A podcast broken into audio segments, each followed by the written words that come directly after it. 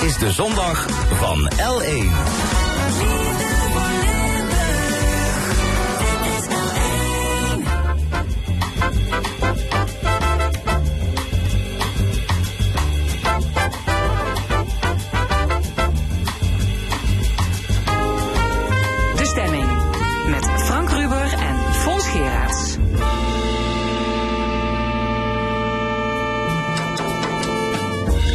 Welkom bij De Stemming, het interview- en discussieprogramma over politiek, cultuur en samenleving.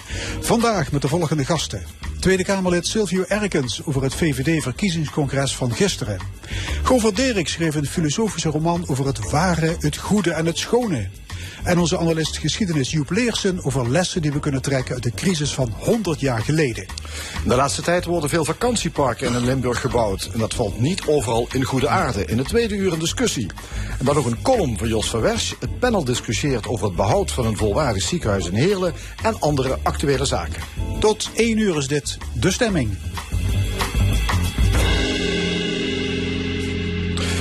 Niet alleen de algemene politieke beschouwingen, maar ook het VVD-congres van gisteren werd gedomineerd door de verkiezingen van 22 november. Dat ledencongres was meteen de aftrap voor de campagne van de liberalen. Lijsttrekker Jezus hield een toespraak, het verkiezingsprogramma werd vastgesteld en ook de kandidatenlijst. Hoogst geplaatste Limburger is zittend Kamerlid Silvio Erkens uit Kerkrade op plaats 11. Meneer Erkens, welkom. Eh, Zo'n ledencongres, hè? gaat u er altijd met plezier naartoe of is het meer een verplicht nummer? Nee, ik ga er altijd met plezier naartoe. Want het is ook een soort van grote reunie waar je iedereen tegenkomt. Waarmee je in de loop van de jaren kennis gemaakt hebt natuurlijk. Ja, en je gaat met elkaar ook de discussie aan over, uh, over waar je als partij voor staat. Dus het zijn best wel bepalende momenten ook voor de komende jaren. Ja, het was deze keer in Rotterdam. Van ja. 9 tot 5. Echt een lange, lange zit. Of warm bad? Of allebei? Ja, het, het, gaat snel voorbij, maar als je na het een week lang uh, elke dag voor 12 uur in de kamer gezeten hebt, is een zaterdag van 9 tot 5 ook nog is, werken toch al best vermoeiend. Dus ik was ja. gisteren best wel moe toen ik in bed uh, stapte. Ja. Het congres was de aftrap voor de verkiezingscampagne. Heeft u er zin in eigenlijk? Ik heb er heel veel zin in. Waarom? Omdat het wel een historische verkiezing uh, gaat worden volgens mij. Het speelveld ligt helemaal open. Uh, je ziet inderdaad ook een heleboel nieuwe partijen die meedoen. En het draait ook echt om een ideeënstrijd voor de toekomst van Nederland. Ja, en dat geeft mij wel energie om te, ja, met ons verhaal eigenlijk de boer op te gaan. En de kiezers te overtuigen dat wij daar het beste verhaal voor hebben. En het is voor u pas de tweede keer, dus er is nog volop motivatie. Er is nog voldoende energie. Ja, ik ben nog uh, steeds een van de jongsten met 33, ja. dus uh, die energie heb ik nog. En de hoogste Limburg op de lijst. Ja. U staat op plek 11. Ja. Uh, in de top 10 staan vooral leden van het kabinet. Dus -huh. in feite staat u best hoog. Ik ben tevreden met de plek. En 11 is natuurlijk een mooi nummer in Limburg. Zeker. En pas twee jaar Kamerlid. En kennelijk flink gestegen in de Haagse pikorde. Uh, ja, ik stond op plek 18 vorige keer. Nu ben ik naar 11 door. Dus zeven plekken omhoog. Dus daar was ik heel tevreden mee. En het is, uh, nou, ook gezien de peiling, je moet de uitslag afwachten. Een, een hele verkiesbare plek voor de VVD. Dus uh, ja, ja u heeft klimaat en energie in ja. uw portefeuille. Daar kom je veel in de publiciteit. Klopt. Dat zal wel hebben geholpen, denk ik. Het heeft geholpen, inderdaad. Als je een belangrijk thema hebt wat veel speelt. Um, je moet het er ook op waarmaken natuurlijk en je uren erin steken. Maar uh, ja, met de energiecrisis, uh, het prijsplafond... Uh, maar ook eigenlijk het vormgeven van het klimaatbeleid de komende jaren... heb je wel een belangrijk thema in handen... waar je echt je eigen stempel op kunt drukken. Ja, dan kom je veel op televisie, radio... En hier, nu vandaag. En hier vandaag, zeker. Maar goed, anderzijds, als je vaak in de media komt... kun je het ook makkelijk verknallen. Dat klopt. Ja, het is een kans. Dus je krijgt meer kansen. Maar inderdaad, je kunt ook meer door het ijs zakken. Dus ja. zo moet is het wel eens gebeurd? Door het ijs gezakt? Uh, nou, dat is helemaal thuis komt en denkt, god jee, wat was dit voor een beroerd optreden? Nou, ik heb soms wel het gevoel gehad inderdaad van... Uh, ik had soms dingen anders aan moeten pakken... maar niet zo'n moment waarvan je denkt van... shit, hier lig ik het hele nacht wakker van. Maar goed, in alle eerlijkheid, je went er ook aan. Hè? Dus de eerste keer toen ik hier uh, aansloot bij jullie ook... dat was voor de campagne vorige keer...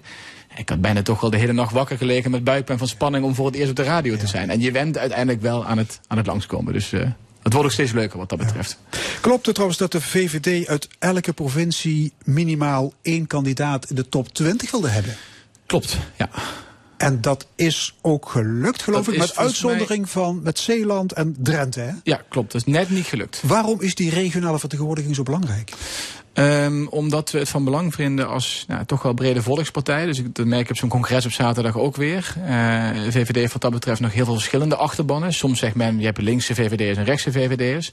Maar je ziet eigenlijk een afspiegeling van de Randstad, de provincie, ondernemers, mensen in loondienst, um, mannen, vrouwen. Er is best wel een grote afspiegeling van het land eigenlijk in. En dat moet zich ook in die kandidatenlijst uiten. Omdat je het risico natuurlijk krijgt anders, het toch wel heel veel ja, mensen uit, uit Amsterdam en Den Haag gaan zijn wat dat betreft. Maar dus goed, in feite bent u toch volksvertegenwoordiger voor het hele land, hè?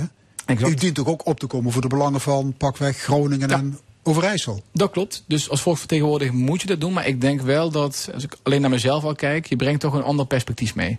Want als jij inderdaad woont in, uh, in Delft en uh, je werkt in Den Haag, dan ben je iets minder bekend met de problematiek van een langgestrekte grensprovincie. De samenwerkingskansen met Duitsland en België gaan ze door. En zo is het net zo goed voor Zeeland, voor Drenthe, voor Friesland gaan ze door. Dus ik vind het wel goed om dat geluid ook in de partij te hebben. Wordt het straks wennen zonder Rutte? Ik denk dat het wennen gaat worden, ja. Want volgens mij eh, was Mark Rutte uh, premier geworden ongeveer toen ik de middelbare school afronde. Dus voor mij is er geen andere premier geweest eigenlijk in mijn bewuste politieke leven, om het zo te noemen. Is dat paniek? Nee. Nee, zeker niet. Nee. Op nummer drie staat Bente Becker. Uh, ik lees op haar website. Nu het kabinet gevallen is, staat een nieuwe generatie VVD'ers op om onze idealen verder te brengen.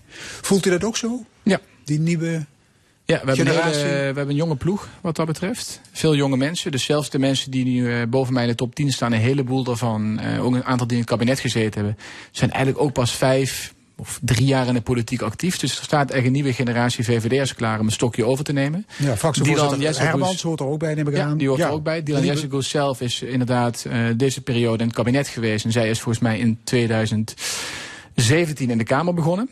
Um, dus ja, dat is zes jaar actief in het Haagse. Dus toch echt een nieuwe generatie die nu een stokje overneemt. Jezel Gus hield gisteren een speech op het congres als lijsttrekker. U twitterde een topspeech. Ja.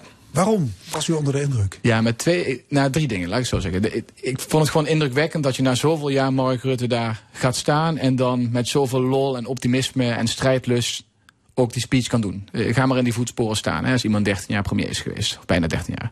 Dat vind ik heel knap. Dat ten eerste. Tweede wat ik mooi vond was eigenlijk de aandacht ook voor uh, die brede middenklasse. Dus um, wat je eigenlijk nu gezien hebt in nou, corona, daarna de energiecrisis nog, is dat heel veel mensen die eigenlijk nou, toch wel de eindjes aan elkaar kunnen knopen bang worden met een extra tegenslag, de wasmachine gaat kapot, de energierekening gaat omhoog, wat is ook al een auto krijg, dat die groep eigenlijk heel stevig in het verhaal zat, dat we daar ook van gaan vechten als partij. En het derde wat ik um, mooi vond was ook de, de eerlijkheid, hè? dus ook het erkennen van dingen die niet goed gegaan zijn, ook de laatste jaren waar wij zelf aan meegedaan. Ik vind ja. dat belangrijk in de politiek. Zonder de VVD verder te noemen in die speech? Nee, zonder het verder te noemen, maar goed, de politiek uh, in den breedte is natuurlijk ook al debat aan de dingen die niet goed gaan nu. Ja. En ik vind als je dat niet eens kan erkennen als politici en je praat eromheen, ja, dan heb ik ook minder vertrouwen erin dat je de oplossing kan bieden. Dus je moet het probleem erkennen, maar dan wel vooruitkijken en zelf met de oplossingen komen het op te lossen.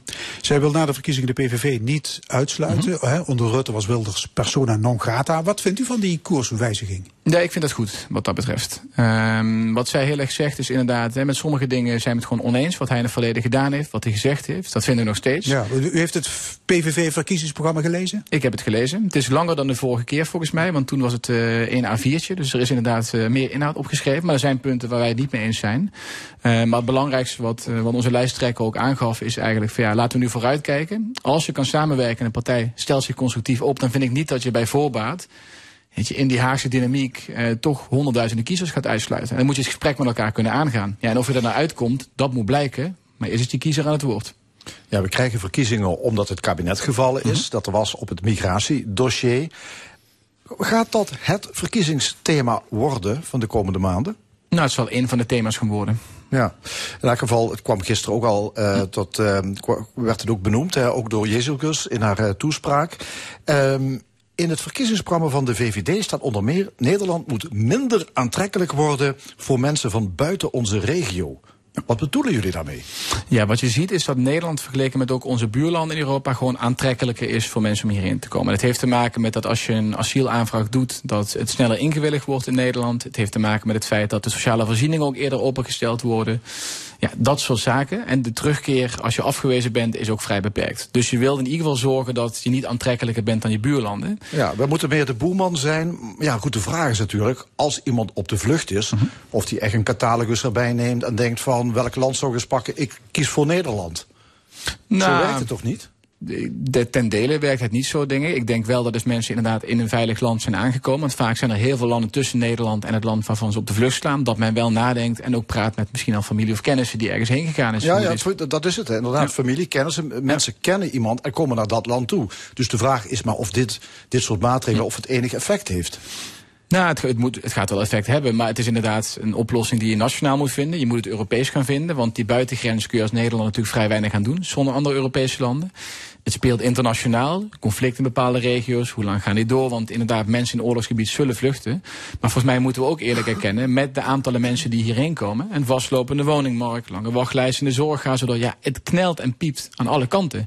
En de mensen die nu komen, kunnen we niet eens goede opvang bieden. Dus dan moet je ook eerlijk zijn als een klein land. We moeten mensen blijven helpen in de toekomst. We moeten ook asiel geven aan mensen die op de vlucht slaan. Maar we kunnen het niet voor iedereen doen. Nee, ja, u zegt wachtlijsten de zorg. Van de andere kant, die wachtlijsten worden ook eh, bepaald door het feit dat we te weinig mensen hebben. Misschien moeten we juist meer mensen van buiten halen om heel veel heel veel banen die wij niet opgevuld krijgen, om daar mensen voor te vinden. Ja, maar dat dus ligt- is de vraag, Ja. is het zo slim om die grenzen, om het, om het strenger te maken? Misschien hebben mensen hard nodig. Nou, streng, strenger denk ik wel, maar ze gaan nooit volledig dicht in Nederland, denk ik inderdaad. Nee, want je zult ook in de toekomst technische nodig hebben. Het stroomnet inderdaad moet verzwaard worden. En zo heb je een heleboel beroepen die je kan noemen. Maar het is wel van belang, kunnen we inderdaad de aantallen aan die nu komen in één keer. Eh, ook in het kader van integratie, onderwijs, ga zo door. De woningbouw die stokt eigenlijk. Ja, en is het eerlijk om tegen mensen te zeggen die hier acht jaar op een eh, wachtlijst staan voor een sociale huurwoning. Ja, jullie mogen nog een paar jaar wachten, want er zijn andere mensen bijgekomen. Dus ook voor het draagvlak van de opvang van vluchtelingen die we opvangen, vind ik het wel van belang dat we meer grip krijgen op migratie. En dat je ook zelf beslist hoeveel mensen je binnenlaat. Ehm, ja, en wie dat zijn. En dat hebben we niet. En volgens mij is dat het grote ongemak ook op dit thema. Ja, dat is voor de, voor de VVD belangrijk. Dat betekent dat jullie naar rechts kijken straks eh, na die verkiezingen? Nou, het ligt eraan met welke partijen we een oplossing kunnen vinden hierop. Maar in ieder geval wat je zag met het huidige kabinet was dat we er niet uitkwamen om hier een oplossing op te vinden. En ja, dan is in een kabinet zitten ook geen doel op zich, vind ik. Nee. Eh, u bent woordvoerder klimaat en energie. Ik begrijp dat u de afgelopen maanden heel veel energie heeft gestoken in een rondgang langs allerlei partijafdelingen in het land. eh, om de standpunten van u, van de VVD, om die uit te leggen. Was dat nodig om die VVD'ers te overtuigen? Eh, ten dele, denk ik. Ehm, Want er zijn er merkt veel is- klimaatontkenners Nee, binnen dat de VVD. niet. Nee, dat niet. Ehm, wat je heel erg merkt is dat het van belang was dat ik het verhaal vertelde waar wij nou voor staan en wat ons klimaatbeleid laat verschillen van andere partijen. Dat zit eigenlijk op nou, twee dingen. Zorgen dat de mensen in het land het ook echt kunnen meemaken. Dus ja, als dingen heel duur zijn en ze leveren vrij weinig op, dan moet je misschien op een andere manier aanpakken. En het tweede is zorgen dat je bedrijven hier verduurzaamt in plaats van ze naar het buitenland vertrekken. En dan ja, de vervuiling vertrekt, maar de banen zijn ook weg, zeg maar. Dus het moet hier opgelost worden. Dus, dus aan de ene kant mensen ja, meenemen in ons verhaal. En het was ook voor mij ideeën ophalen. Want ik ben één persoon, eh, de woordvoerder. Maar het is zo'n breed thema waar zoveel technische kennis bij komt kijken. En ja, in zo'n partij heb je natuurlijk heel veel mensen, ondernemers die in de praktijk er tegenaan lopen. Wat nou de, Ja. de belemmeringen zijn om aan de slag te kunnen. Ja, dat wil ik ook ophalen en horen van hun. Ja, u vertelde mensen ook die energietransitie, die kunnen wij best doormaken. En ondanks dat kunnen we toch leuk blijven leven. Ja. Dat is voor VVD'ers dus belangrijk. Ehm, het moet ook weer niet eh, te vervelend worden. Het moet geen pijnlijder worden om aan die klimaatdoelstellingen te voldoen. Nou, kijk, je kunt niet zeggen dat, dat niks ehm, geld gaat kosten hierin in die transitie. Volgens mij gaan er een aantal keuzes gemaakt moeten worden. Maar je kunt prima op een klimaatneutrale manier nog steeds op vakantie gaan in de toekomst. Of ehm, je kunt de Ja, overstap schoner maken. vliegen zie ik ook in het eh, Ja. VVD-programma staan. Maar ja, we weten dat dat de komende decennia er niet in zit. Hè? Dat vliegen vervuilend blijft. Nou, daar gaat meer tijd overheen dan voor andere sectoren. Maar in principe zijn daar nu ook al Europese afspraken over gemaakt. Waar Nederland eigenlijk voor meer ambitieus beleid pleiten. Eh, waar Europa, dit is een heel technisch verhaal. Maar eigenlijk gewoon een, een ja, wet heeft vastgesteld. dat elk jaar het percentage duurzame brandstof omhoog moet gaan. En dan zie je dat de komende jaren er massaal geïnvesteerd wordt vanuit marktpartijen om dat te gaan leveren. Alleen dit soort dingen kun je niet vanaf vandaag op morgen regelen, uiteraard. Nee. nee, maar het is toch opmerkelijk. Ook de VVD kiest op het moment dat, eh, dat het erop aankomt, vaak toch voor oude vervuilende energie. Ik denk bijvoorbeeld aan eh, deze, prij- deze week eh, ging het over de benzineprijzen. Hè. De vraag is: eh, kun je als overheid voorkomen dat die prijzen straks weer gaan stijgen? Ehm, dan kiezen jullie toch om dat weer een jaar lang te, om daar weer die subsidie op uh, te zetten. Dat leidt er niet toe dat mensen bijvoorbeeld sneller voor een elektrische auto kiezen. Als het erop aankomt, moet je dan niet veel strenger zijn.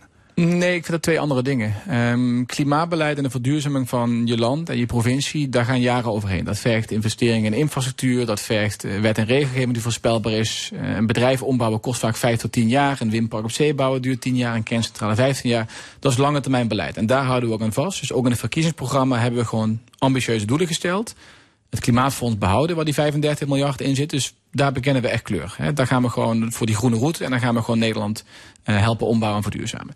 Als je kijkt naar die accijnzen, ja, de brandstofprijs in Nederland is al hoger dan in de buurlanden. Nou, ik hoef het hier in Limburg volgens mij niet te vertellen. Als je naar België of Duitsland gaat, bespaar je een paar tientjes op tank. Ja, ik geloof dus echt niet dat wanneer je de prijs aan de pomp nog verder zou verhogen, dat mensen opeens een elektrische auto kunnen gaan kopen. Want die is vaak nog te duur voor de mensen die nu afhankelijk zijn van die auto. Dus het, is, het draait ook, zeg maar, vind ik, wat dat betreft, om het draagvlak voor je transitie. En als je mensen gewoon de auto uit gaat persen zonder een alternatief te bieden, ja, volgens mij raak je iedereen kwijt erin. Dus ik vind dat echt niet elkaar bijten. De VVD is voor verhoging van het minimumloon. Ja. Dus veel gekker moet het toch niet gaan worden? nou, kijk, wat de VVD voor is, is dat uh, werken blijft lonen in Nederland. En wat je inderdaad ziet, hè, wat ik op het begin ook zei, is dat die die werkende middenklasse, um, die toch elke dag opgaat, naar het werk vertrekt, misschien een autootje inderdaad heeft, eigenlijk moeite heeft om rond te komen. En er hoeft maar één ding mis te gaan of twee dingen mis te gaan en die mensen zakken door het ijs. En ik vind dat wij als partij er ook voor moeten opkomen. Uh, met ja, het minimumloon dus is daar eentje van. En de VVD tampereert dus ook op bestaanszekerheid. Dat klopt. Ja. Heeft u meegekregen wat uh, Lilian Marijnissen van de SP daar gisteren over zei? Die maakte daar een tamelijk ja. vilijne opmerking over. Ja, die, uh, die had ik gezien. Ja. Als ik Jezel Gus over bestaanszekerheid hoor, is het alsof je Sjaak Zwart hand in hand kameraden hoort zingen. Kijk, u weet nog wie Sjaak Zwart is? Zeker. Nou, en uh, volgens mij zijn uh, mevrouw Marijnus en uh, Jessel Gus voor tegenovergestelde voetbalclubs. Dus ze speelt ook mee. Ajax Feyenoord, de rivaliteit hierin. maar ik denk wanneer wij over bestaanszekerheid praten, dat is wat ik net ook zei, het draait ook zeg maar niet alleen om de onderkant van de samenleving. En daar hebben we de laatste jaren ook veel voor gedaan. Hè? Ook zelfs het kabinet en de begroting wat nu is gekomen, daar worden maatregelen getroffen.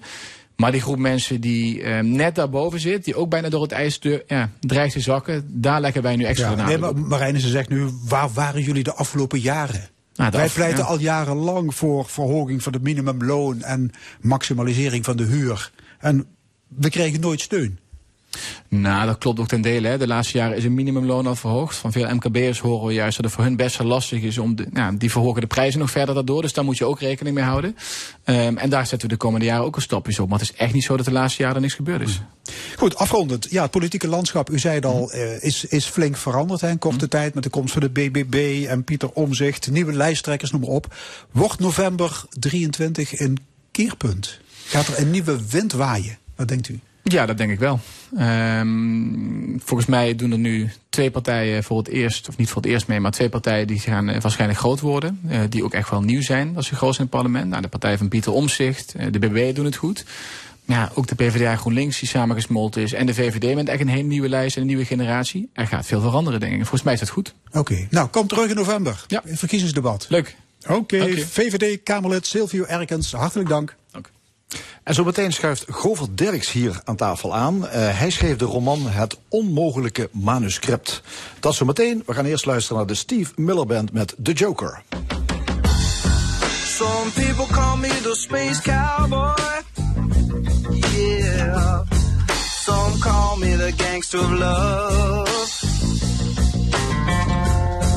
Some people call me Maurice.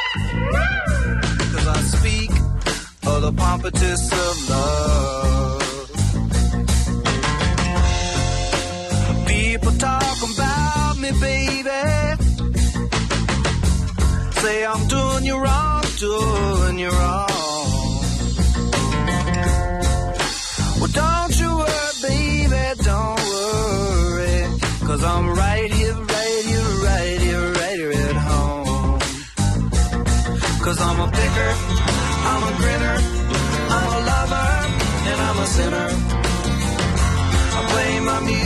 in the sun.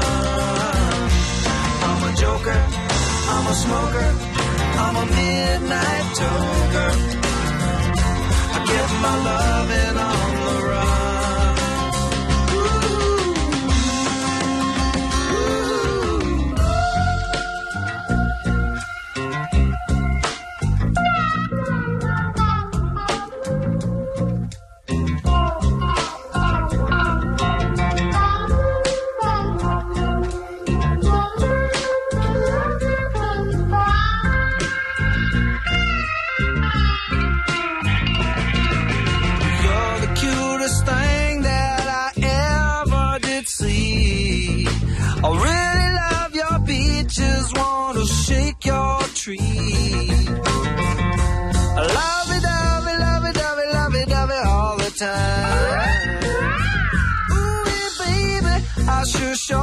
good time.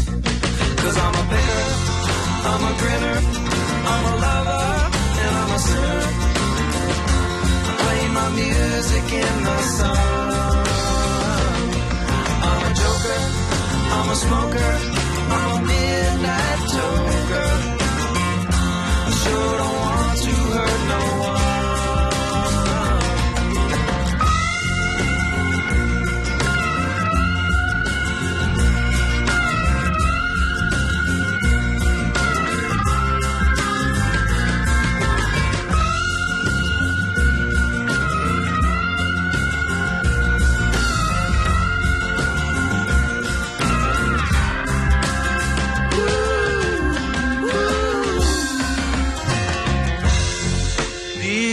Talking about me, baby. Say I'm doing you wrong. Well, don't you worry, don't worry, no, don't worry, mama. Cause I'm right here at home.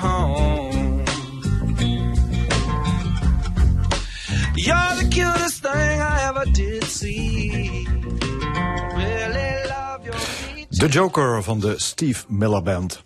Een vertelling over de onmogelijke redding van de wereld. Dat is de ondertitel van de nieuwe roman van Gover Derks. Derks is filosoof en hij steekt die professie in zijn boek niet onder stoelen of banken. Hoofdpersoon is Ene Goof, wiens nieuwe manuscript is afgewezen door zijn uitgever. En als hij dan ook nog ruzie krijgt met zijn vrouw, vertrekt hij naar Brazilië. Naar het landgoed van zijn zwager. De roman is in feite de neerslag van de gesprekken die beiden met elkaar voeren. Aan tafel schrijver Govert Derks. Govert, welkom. Ja, het is bijna niet te doen hè, om een kort bestek de inhoud van het boek te vertellen. Terwijl het op zich een eh, boek is wat je snel uitleest. Ja, maar er lopen zoveel verhaallijnen door elkaar. Moest het weer zo ingewikkeld? Nou, ik denk dat uiteindelijk, eh, wat ik van lezers hoor, het, het is ook waarschijnlijk ingewikkeld, maar op als je op een gegeven moment meegaat met de stroom van het verhaal, dan vlieg je er doorheen. Goed, de ik-figuur die heeft eh, zwaar de pest in, omdat zijn manuscript is geweigerd.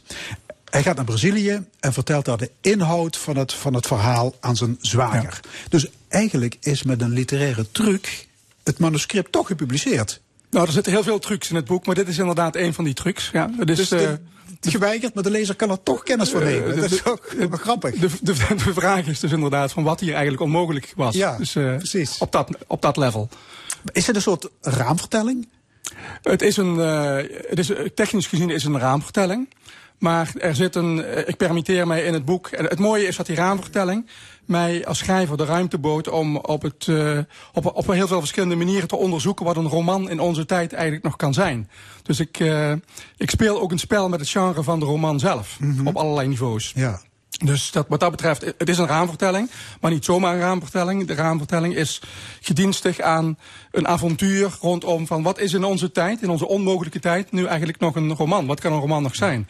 Is het gewoon een, een verhaal zoals we er heel veel tegenkomen? Of, en dat is de uitdaging die, die Goof op een gegeven moment in dat boek van zijn zwager krijgt. Als je nou nog één boek zou mogen toevoegen aan de traditie van de grote romans. Welk boek, welk verhaal zou dat dan zijn? Gezien onze onmogelijke tijd. Nou, en dan komt hij op de gedachte van ja, dat moet dus een onmogelijk verhaal zijn. Maar het is dan vervolgens ook nog eens dat verhaal dat door zijn uitgever is afgewezen. Dus met dat soort uh, verwikkelingen, en dat maakt het ook waarschijnlijk ingewikkeld. Maar tegelijkertijd is de essentie heel duidelijk van oké, onze onmogelijke tijd, is die nog te redden met een verhaal? En zo ja, welk verhaal zou dat dan Ja. zijn? En waarom had je de Braziliaanse setting nodig om dat verhaal te vertellen? Dat was een, uh, een, een uh, ja, voor mijn gevoel een beetje een godsgeschenk. Dat is een, uh, iets wat, wat ik moet je bekennen, dat ik me die vraag als zodanig nooit heb, heb gesteld. Want toen ik ermee speelde op papier, toen was het zo vanzelfsprekend. Omdat het een afstand schept tot onze wat meer westerse cultuur, onze meer westerse politiek. Dus vanuit die afstand kon ik in één keer dat verhaal op een hele andere, hele natuurlijke manier uh, vertellen. Want ik had Ja. het verhaal zeg maar al in grote lijnen uitgedacht. Maar ik zat heel erg te pionieren met, ja, maar wat is nou de meest geschikte manier om het te vertellen? Nou, dat was A, een raamvertelling. En B, een paradijselijke, bijna paradijselijke omgeving die haaks staat op waar wij met onze jachtigheid vaak mee te maken hebben. Ja, bovendien is Zuid-Amerika de bakermat van het, uh, van het magische realisme. En daar zitten allerlei Ja. elementen van dat magische realisme Precies. zitten ook in het, ook Ja, in het ja. boek. Los van het feit dat ik zelf ook veel in Zuid-Amerika ben. Ja, jij hebt Dus, iets eh, met Brazilië. Ja, dus, uh, Toch? Dus wat, ja, mijn schoonfamilie zit, woont daar voor een groot deel. Dus dat speelt dus ook nog eens een rol. Dus op allerlei verschillende manieren gaf mij dat de mogelijkheid om te spelen aan met het genre van de roman. En B, om te reflecteren op waar kan onze tijd nou eigenlijk nog mee geholpen worden. Ja. En het verhaal in het verhaal speelt zich af in Lissabon. Dus In en in Den Haag ook. Ja, ook in Den Haag, En uiteindelijk in feite in, in de hele wereld. Maar, Ja. maar de focus zit in Lissabon, klopt. En Lissabon heb je waarschijnlijk ook gekozen vanwege die verwoestende aardbeving. Klopt, ja. Die alles Ja. wegvaagde. Dat was in 1755. 1755. Tienduizenden Ja. doden. Eigenlijk de hele stad lag in puin. Vanwege ook de parallellen met het heden. Gezien alle ja. natuurrampen. Het, eh, de, de Lissabon-aardbeving van 1755 eh, markeerde het einde van het optimisme. Tot die tijd had men nog een beetje het gevoel van ja, we leven op de een of andere manier in de best of all possible worlds. In de beste van alle mogelijke werelden. Later besefte ik dat dat spel met het mogelijke in die optimistische filosofie natuurlijk heel erg mooi past bij dat gedachte van het onmogelijke manuscript. Maar dat zijn weer die dingen die Ja. ontdek je dan later als schrijver terwijl je eigenlijk al klaar bent. Maar eh, de gedachte dat in Lissabon eh, het eh, optimisme eindigde. En het einde van het optimisme was in zekere zin ook het begin van de dood van God. Het a- Dat, dat heeft me heel erg gefascineerd. En ik dacht dat heeft op een of andere manier te maken ook met onze politieke situatie nu. Dus we hebben te maken in het boek met, met een, met een eh, rechtsextreme politicus... die een politieke aardbeving wil veroorzaken aan de ene kant. En aan de andere kant hebben we te maken met een wat naïeve filosoof... die zich afvraagt van oké, eh, heeft dat optimisme misschien op een of andere manier nog eh, kans van slagen? En die twee zaken, daar heb ik mee gegoocheld. En die komen op een gegeven moment ook samen. Die gaan met elkaar op de vuist, zou je bijna Ja. letterlijk kunnen zeggen. Ja, kern van het boek zijn de gesprekken die de schrijver met die, met die dokter eh, Ja. voert. Hè? Al liggend in de hangmat, In de hangmat. op de, eh, op de ja, veranda. de, mooiste uitvinding van de Indi- Indiaan. Ja, vooral over de toestand van de aarde. Ja. Ehm, moest je iets van je afschrijven? Bedoel, hoe groot is jouw onbehagen over Eh. Mijn hoe met onze planeet erg, eh, omgaan? Mijn onbehagen eh, is heel erg, eh, heel erg groot met waar we zeg maar, met deze wereld naartoe gaan. Eh, nee, ik ben niet iemand die dingen van zich afschrijft. Ik ben iemand die op papier pro- probeert eh, vormen van schoonheid eh, te, te creëren. Die zich verhouden tot dat onbehagen. Ja. Dus het, eh, nee, eh, Nee, maar het is ook, laat ik zeggen, een soort alarmerend boek. Je schrijft over de ja. blinde muur waar mensheid en aarde met ogen open op afrazen. Ja. Je, je denkt niet, het komt wel weer goed. Nou, dit, dit- dat, dat, uiteindelijk komt het in het boek goed.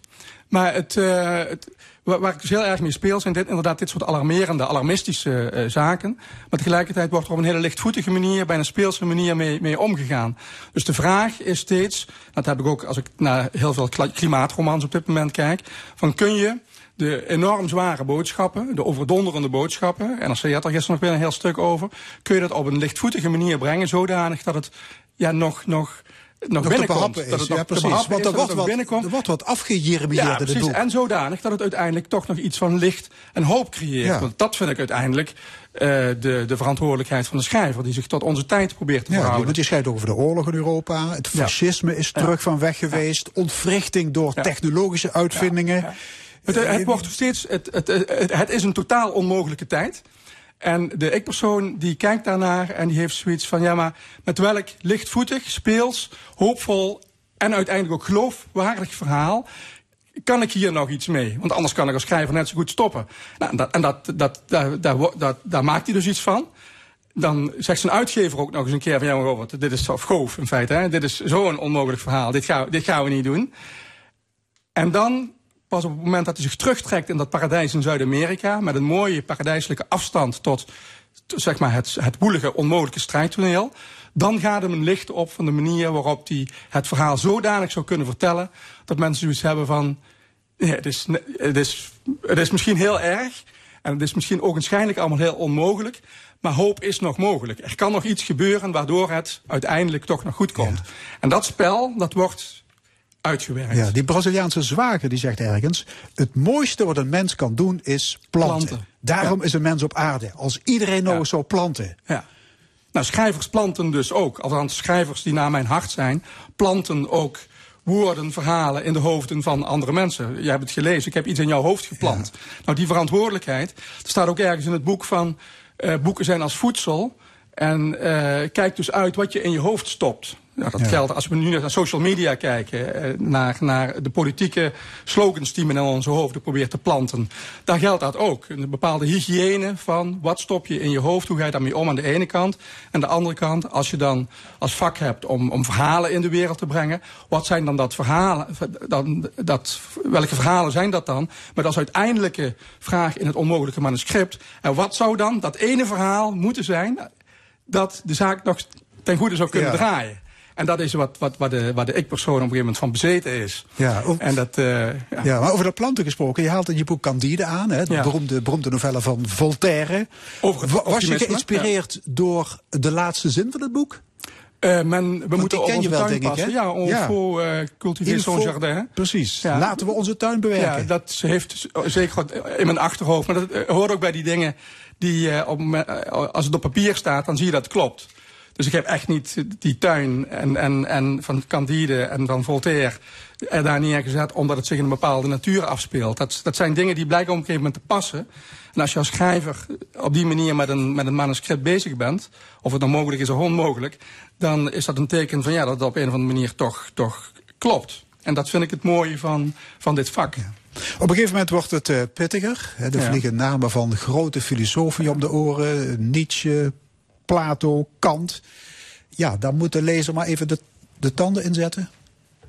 Nou, het gebeurt wel dermate in een, in een dialoogsessie, in de lo- dialoogsetting, dat eh, ik ook daarvan terugkrijg van lezers dat ze er makkelijk doorheen eh, komen. En je kunt zo'n boek ook op verschillende niveaus lezen. Dus, en ik heb ook wel eens geleerd van, een boek moet drie dingen doen. Namelijk, je moet er eh door gegrepen worden, maar het hoofd mag ook iets eh, meekrijgen. Dus je mag er ook iets van leren. Zeker. Dus het is denk ik ook wat dat betreft een leerzaam boek. Ja, en ik zie het ook als een waarschuwing voor de opmars van extreme rechts in, eh, Ja.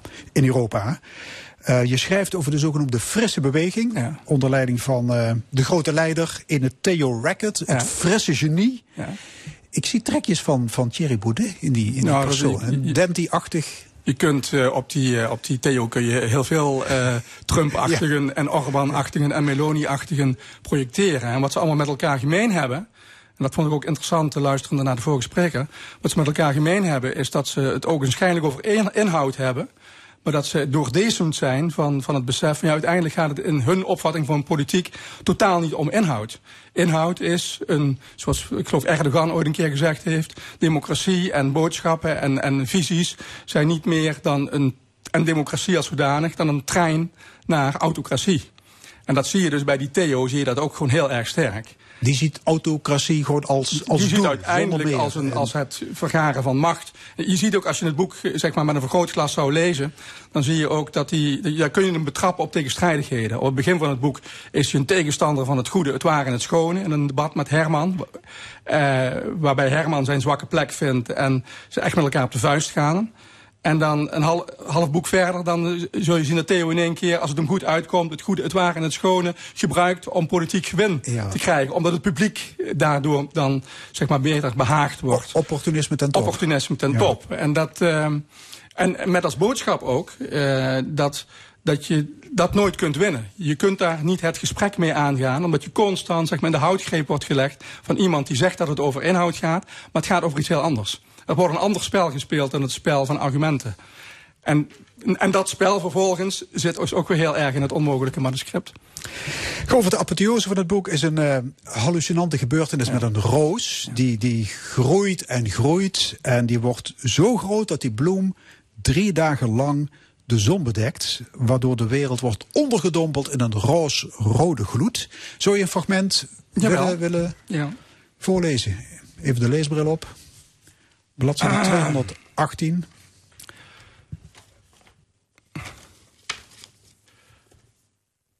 Waarnemers in alle windstreken waren geraakt door de poëzie onder de roze-rode hemel van Ulysse Sabona, die ook de hemel was boven Warschau, Londen, Parijs, Buenos Aires en andere steden, oerwouden, woestijnen, watervlakten en landstreken.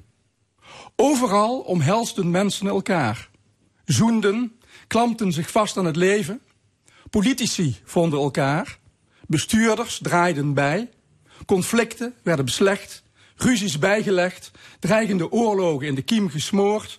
Boven slagvelden prijkten zon en roos en veranderden gevecht in vrede. Steeds opnieuw keken mensen, keek het leven zelf omhoog. Licht van boven rijmde met licht van binnen. Een algemene wil tot waarheid en vrijheid maakte zich meester van de continenten en werd vreugdevolle praktijk. Ik moet een beetje lachen als ik je dit zo vertel. Het klinkt kinderlijk. Maar juist in dat kinderlijke ligt onze redding en onze volwassenheid. Ja, je kunt zeggen, het klinkt kinderlijk. Het klinkt ook erg uh, romantisch, utopisch. Of misschien wel over de top. Leven we niet in een over de top tijd? Ik zeg wel, als, als, iemand 30 jaar geleden in een tijdmachine zou stoppen, stappen en in onze tijd uit zou komen, dan zou die gewoon niet geloven wat hij zou zien. Nee, want het boek is niet voor niks geweigerd door de, door de uitgever. Dus je maar moet, er zelf, wel, maar ja, je moet er zelf ook mee hebben geworsteld. Maar het ligt er wel. Maar het ligt er wel. ja. Um, die schrijver heeft zijn afgekeurde manuscript, De onmogelijke redding van de wereld, meegenomen naar Brazilië. Dat is het enige exemplaar, want thuis heeft hij alles verbrand. Uh, en gewist, noem maar op. Um, wil je vertellen wat er uiteindelijk mee gebeurt? Ik denk dat we dan heel veel spoilen. Zit je dan te spoilen? Dan zitten we toch wel te spoilen. Ja. Uiteindelijk, uh, er gebeurt uiteindelijk iets heel wonderlijks ook weer met dat, uh, met dat manuscript. Dus dat, en sterker nog, ik ben van plan om, als ik ooit weer in Brazilië ben, te kijken of ik nog ergens een onmogelijk manuscript heb liggen. En het dan inderdaad mee te nemen en daar ergens misschien wel te begraven. Ja, er zit een verwijzing in naar de, de illustratie op de cover van het boek, hè? Ook dat, ook ja, dat. En, ja, en ja. daarmee, want je begon er straks mee van schrijven is planten. Nee, een mens moet planten. Uiteindelijk draait het leven om planten. En ook dit boek is het resultaat van een plantproces. Van plant. Iemand heeft iets geplant, ik heb iets geplant. Daarvoor hebben heel veel mensen dingen in mijn hoofd geplant. En vervolgens heb ik iets geplant waar iets onmogelijks uit voort is gekomen. En dat is ook wat, uh, ja, wat er in feite met de publicatie uiteindelijk van het boek gebeurd is. Is de redding van de wereld mogelijk? Zeker. Een nipte ontsnapping. Zoals in een Hollywoodfilm. Zoals in een Hollywoodfilm, ja. okay. De roman Het Onmogelijke Manuscript is verschenen bij uitgeverij Magonia. Govert Dirks, hartelijk dank. Okay, dankjewel. En dit is L1 met de stemming. We zijn er tot 1 uur. De jaren 20 van de vorige eeuw stonden bol van spanningen. En historicus Joep Leerse die ziet overeenkomsten met onze tijd. Dat zometeen. Eerst Vanessa Paradis. I'm waiting for the man.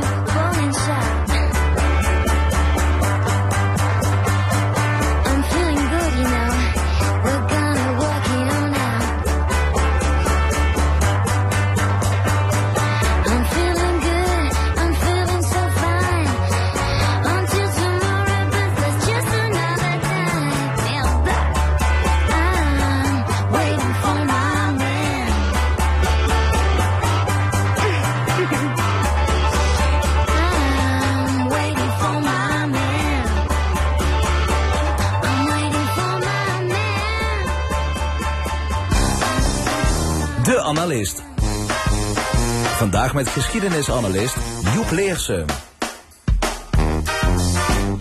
Goedemorgen Joep. Goedemorgen. Ja, inderdaad. Een geschiedenisanalist, dat is nieuw. Nieuw seizoen bij de stemming en dus ook een nieuwe analist. Eh, op het gebied van geschiedenis. Heb je zin erin? Ik heb er heel veel zin in. ja. Oké, we gaan je nog Ja. vaker eh, horen het komende seizoen. Ehm, nou ja, wat betreft jouw eerste bijdrage. Je mailde deze week en je zegt van ja, ik wil, een, eh, ik wil het hebben over de zorgen die er leven bij de secretaris-generaal van de Verenigde Naties. Eh, Antonio Guterres is dat.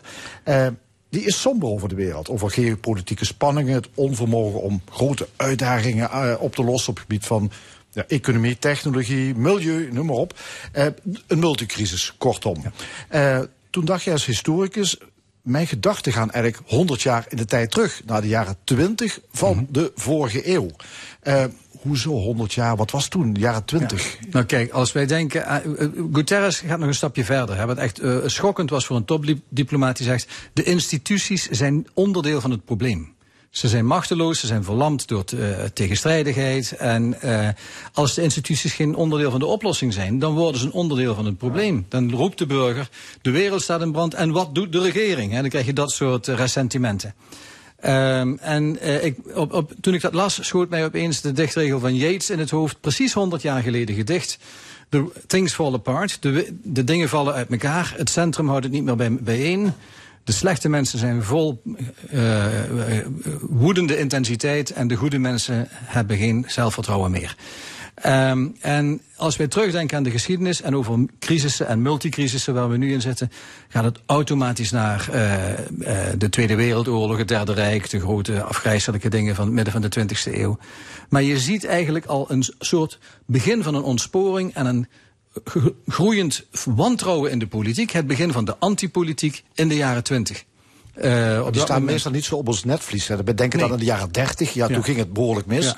Maar ja, daarvoor zie Het je... begon al, hè? dus dat is inderdaad, dat ligt achter die slagschaduw van de grote totalitaire dictaturen.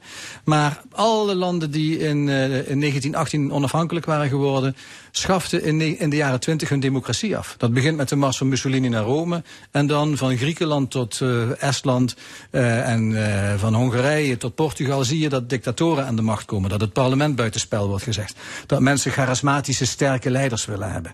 Ehm, en dat ja, mensen het vertrouwen in de parlementaire democratie verliezen.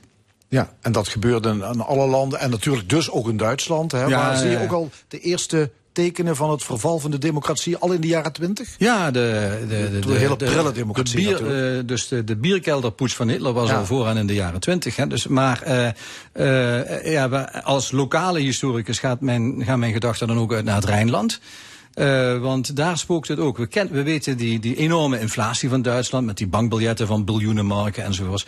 Nou, in Berlijn werd daar een maatregel tegen genomen, maar die gold niet voor het Rijnland. En daar was de burgemeester van Keulen, Adenauer, zo woest over dat hij op dat moment probeerde het Rijnland uit de Weimarrepubliek te halen en een afzonderlijke Rijnlandse republiek in een verdrag met Frankrijk een eigen koers te laten varen. Dat is nogal schokkend. Ja, het is gewoon een afsplitsing. Ja, daar was dus een separatistische beweging aan de gang in het Rijnland. Omdat eh, ja, in hun gevoel eh, de Pruisische regering, waar ze bij hoorden, die, die crisissen niet kon aanpakken. Ja, jij zegt Adenauer. Is dat diezelfde Adenauer die wij kennen Ja. als eerste eh kanselier, geloof ik, van, van Duitsland na de oude, oorlog? die oude zure man, die Waldorf en Stadler, die Ja. met eh, de Gaulle de, eh, hè, begon aan de Europese eh, Dat, de dat was EEG. gewoon een separatistische oproerkraaier voor de oorlog. Ja, die man heeft twee levens gehad. Dus die, was, die is begonnen als een, eh, een soort Rijnlandse chauvinist, zeg maar, een, een soort Limburgse CDA-politicus met een hekel aan. Dezelfde, eh, wij zijn katholiek en het grote land is protestants. Limburg, Holland,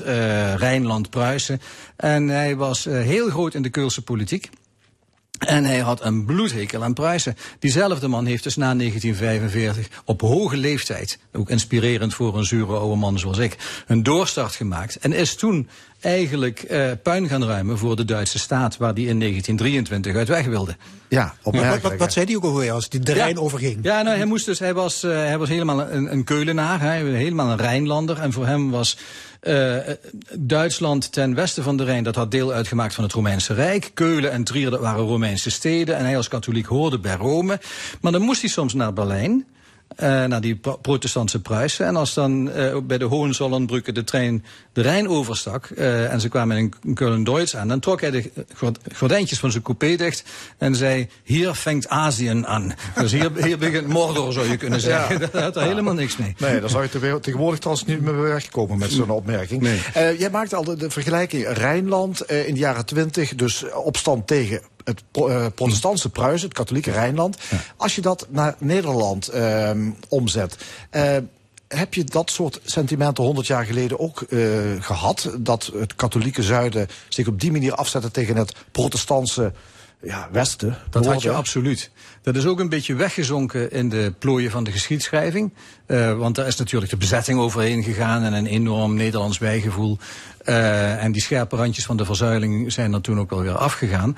Maar in de jaren eh 20 en 30 waren er ontzaglijke anti-Hollandse ressentimenten in Brabant en nog veel meer in Limburg. En eh, nou ja, als het eh, in Keulen stormt, dan begint hier ook wel een fikse bries te waaien. Dus in de jaren twintig zien wij de eerste tekenen van een echt hard Limburgs separatisme opkomen. Dat, is, dat zijn op dat moment nog cranks. Dat is een man die heet Schaap, eh, Schaapkens van Riemst. En, maar die, ligt, die richt een Limburgse liga op. Die vindt het vreselijk dat er protestantse gestudeerde mensen de baas komen spelen over de, de, de provinciepolitiek, over de staatsmijnen. En die wil gewoon weg uit dat protestants gedomineerde Nederland. En eh, die zijn separatistisch bezig.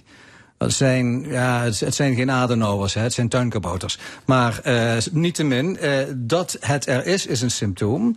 En het is ook nooit helemaal weggegaan. Dus die ressentimenten, zij waren een beetje de, ja, het verste uitslagpunt van de, van de seismograaf. Maar dat is blijven leven. Dus die, die Limburgse Liga is verdwenen. Maar in het kielzog daarvan zie je de vereniging Veldeke opkomen... die ook een, een aparte status voor Limburg als cultuurlandschap wil, eh, in 1926. En je ziet belangrijker nog eh, iets dat de Limburgse Federatie heet. En eigenlijk is dat de BBB van de jaren 20. Ik zeg maar, als je naar de jaren 20 kijkt, zie je zoveel van wat er nu ook speelt.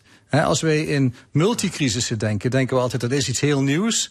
Nee, dat, daar is een hele geschiedenis van die antipolitiek. Ja, maar Dat ja, geschiedenis is altijd, het is altijd gevaarlijk om natuurlijk je huidige tijd te vergelijken met iets in het verleden. Dat, Ja. dat gaat nooit helemaal op Dat natuurlijk. gaat nooit helemaal op. De, de, de multicrisis waar we nu in zitten heeft te maken met migrantenstromen en artificiële intelligentie en een klimaat. En een, eh, maar er zijn ook wel parallellen. Ja, het zijn andere onderwerpen, maar als je kijkt naar de reactie van mensen, want daar gaat het natuurlijk om als je het over separatisme, over een eh, anti-gevoel hebt, eh, zie je daar overeenkomst in? Daar zijn absoluut overeenkomsten. Dus in veel gevallen zijn er schokkende overeenkomsten tussen nu en wat zich afspeelt in de jaren twintig. Dus een, een opkomen van een institutioneel wantrouwen in de politiek. Eh, Ik ben bezig met een, een geschiedenis van de antipolitiek. Nou, voor 1914 wilde iedereen bij de politiek een, een stem krijgen. Vrouwen wilden kiesrecht, arbeiders wilden kiesrecht, ze wilden erbij horen. Na 1920 zie je dat ze de politiek beginnen te wantrouwen. En dan lopen ze in plaats van achter politieke partijen, lopen ze achter bewegingen aan met charismatische leiders. Ja. Dat is ook een denken dat in de jaren 20 opkomt. Het begrip charismatische leider is, ge- is door Max Weber uitgevonden in 1919. Dus, nou ja. cha- charismatische leiders en ressentimenten dus ja, ook. Dus die mensen hebben heel uiteenlopende programma's. eh, maar wat ze delen zijn, is rancune. Dat, eh, dat is ressentimenten over het falen van de staat. Dat heeft te maken met economie. Tegenwoordig het, falen van de verzorgingsstaat en eh, het uitkleden van de infrastructuren. Ehm, maar het heeft ook te maken met het feit dat men zich niet langer vertegenwoordigd voelt door de parlementaire en institutionele eh, instrumenten van de staat. En, en men verliest het vertrouwen in de staat. Daar wil het dus ook van uit. Zeg, we, we doen het zelf. We, weg daarmee. Weg uit Europa, weg uit Duitsland, weg uit Nederland. Die afsplitsingsideeën. Joep, even terug naar die persoon Adenauer. Wat Ja. kunnen we daar anno 2023 van leren? Ja. Zijn daar lessen uit te trekken? Ja, dat, dat, dat is denk ik wel het geval. Daarom dat ik het ook een heel aansprekende persoonlijkheid vind.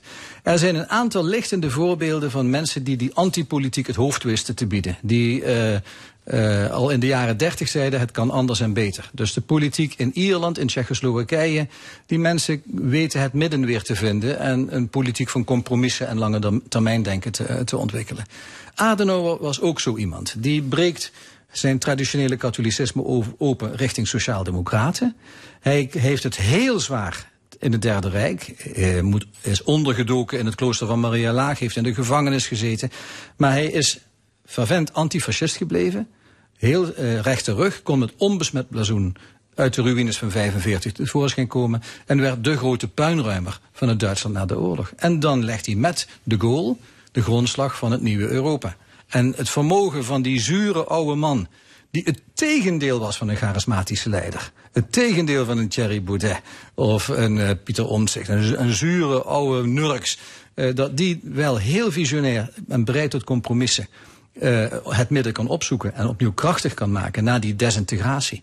Dat, is, dat vind ik een licht Ja, voorbeeld. bovendien, die man was 70. Toen kwam die eigenlijk pas op, Toen op, begon op die stoom. pas. Toen Ja, begon dus- die. ja, en ik ben, is dat eh, is dat lichtend voorbeeld? Voor, Ja, eh, uitgerekend voor de generatie van de babyboomers die, die nog iets te maken moeten hebben. Dat, eh, het is een lichtend voorbeeld dat, eh, dat je het kunt overleven. Dat de crisissen korte termijn zijn, maar dat er ook op de lange termijn een, een meer visionaire lange termijn politiek dus Joep, we hebben meer zure oude mannen nodig om ons uit dit tranendal te trekken.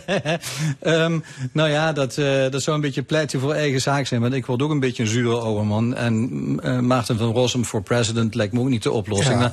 Maar, eh, ik denk dat we wel af moeten van het achter charismatische leiders aanlopen. Wij geloven niet langer in partijprogramma's. Eh, de, de, de, de extreme groepen hebben nooit wel weinig eh, inzicht in hoe ze de samenleving gestalte willen geven. Maar ze hebben leiders die heel goed overkomen. Dat begon met Pim Fortuyn en dat loopt nu door tot Pieter Omtzigt. Dat zijn heel uiteenlopende politici. Maar ze komen goed over in de media en trekken eh, mensen met ressentimenten en wantrouwen in de staat naar zich toe en zeggen: die zou het wel eens voor mij kunnen oplossen. Het zijn natuurlijk ook allemaal mensen die het establishment aanvallen. Ja, dat, Dat- hebben, dat- ja, ja. En dus, dus ze hebben charisma en ze horen niet. En, zo, Ja. en, en dan heeft men, eh, het, we hebben het wel gehad met Rutte. En wat moeten we met die, met die, met die arrogante eh, brulboei van. Hè? Dus eh, de, de, de establishment figuren. Hm? Maar iemand die leuk overkomt op tv en waar je vertrouwen in krijgt, dat zou dan het antwoord zijn. En dat is altijd politiek kluitjesvoetbal. Daar Ja, dus we wat, wat jou betreft... Anti-charismatische eh, leiders lijkt mij een goed idee. Charisma is geen pluspunt. Daar komt het eigenlijk op, op neer. Daar dat komt is eigenlijk iets verkeerds. Dat, Of- Ja, dat is sterk. Kijk, eh, het is, John F. Kennedy had ook charisma. En heeft met dat charisma veel goeds kunnen doen. Eh, ook wat onzin, zoals naar de maan vliegen. Maar goed, eh, een, een president als Johnson, die veel minder charisma had, heeft eigenlijk meer eh, nut gehad voor de Amerikaanse samenleving dan Kennedy. Niettemin, het feit dat Kennedy charisma had, daar was niks mis mee. Maar omgekeerd is het ook geen reden om in een politicus te geloven.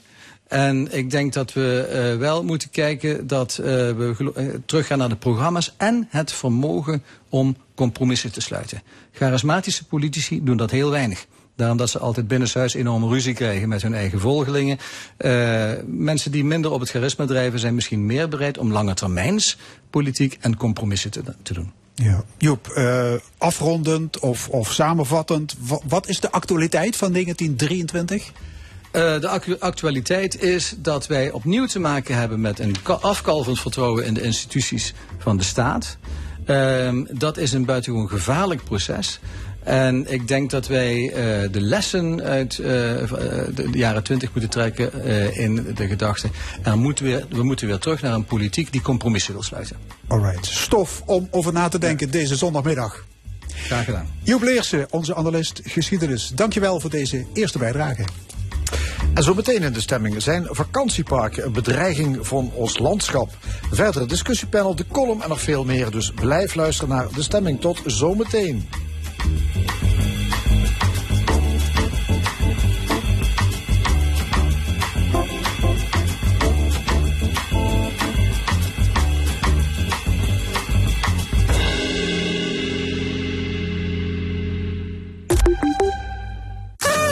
Ons familiebedrijf Tinnemans Keukens bestaat 40 jaar. Profiteer daarom nu van de jubileumvoordelen. Bezoek onze grote showroom, waar we de mooiste keukens en interieurs ontwerpen. Van betaalbare keukens in elke stijl tot zeer exclusieve designkeukens. Kom en vier met ons mee bij Tinnemans Keukens in Ittervoort.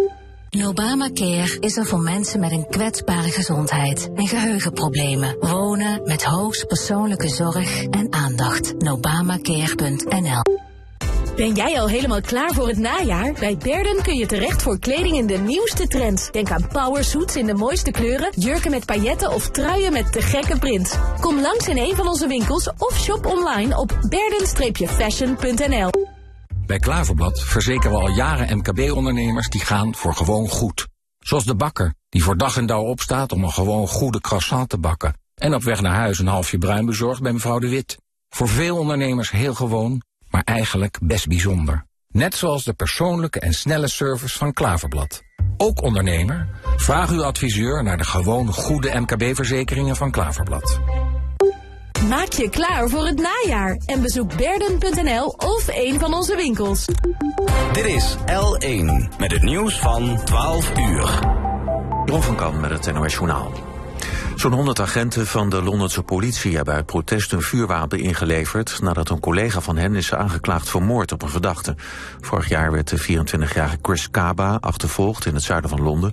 Hij zou betrokken zijn geweest bij een schietincident eerder die dag. Er werd klemgereden en de aangeklaagde agent schoot Kaba door het raam dood. Achteraf bleek dat Kaba ongewapend was en de auto niet van hem was. De agent is deze week aangeklaagd. Volgens een woordvoerder van de politie willen zijn collega's niet meer de straat op met een vuurwapen uit angst voor de gevolgen.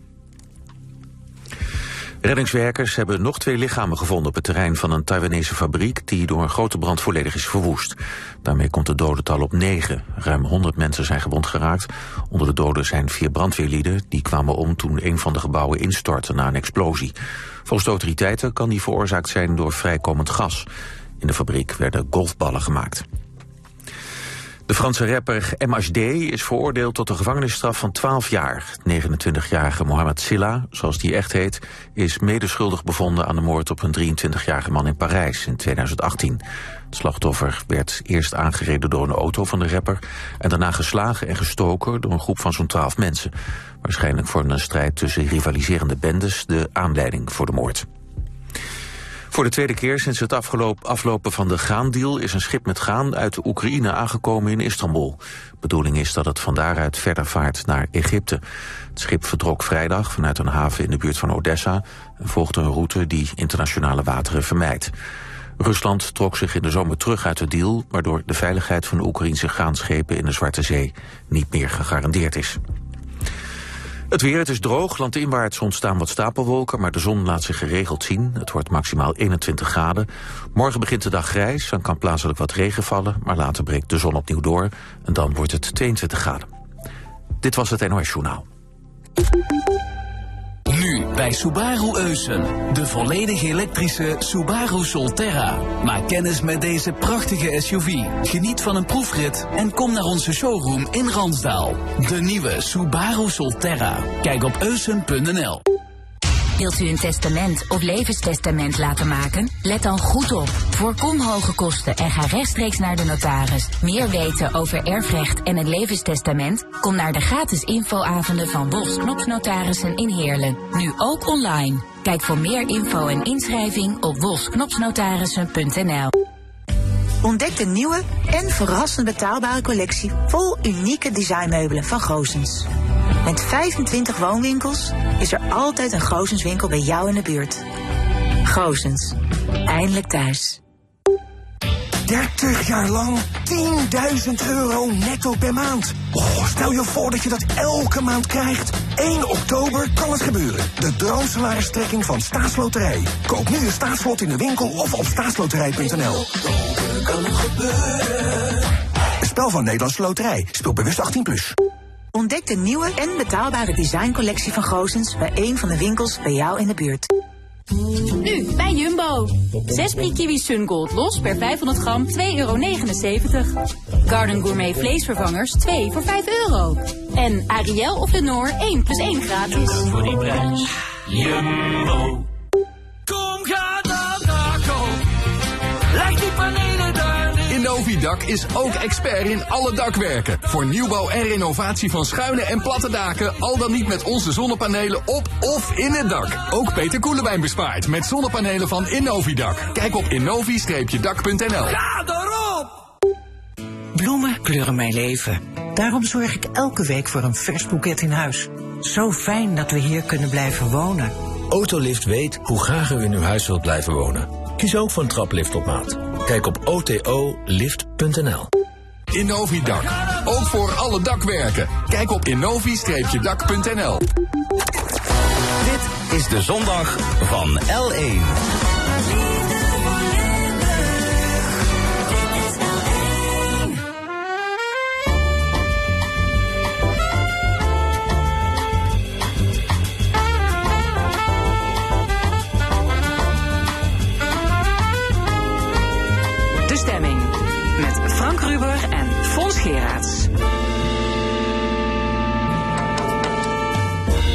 Opnieuw welkom bij de stemmingen. Wat allemaal nog in het tweede uur. Over zijn 25 minuten het discussiepanel met Gabrielle Heijnen, Loek Hustings en Cor Bosman.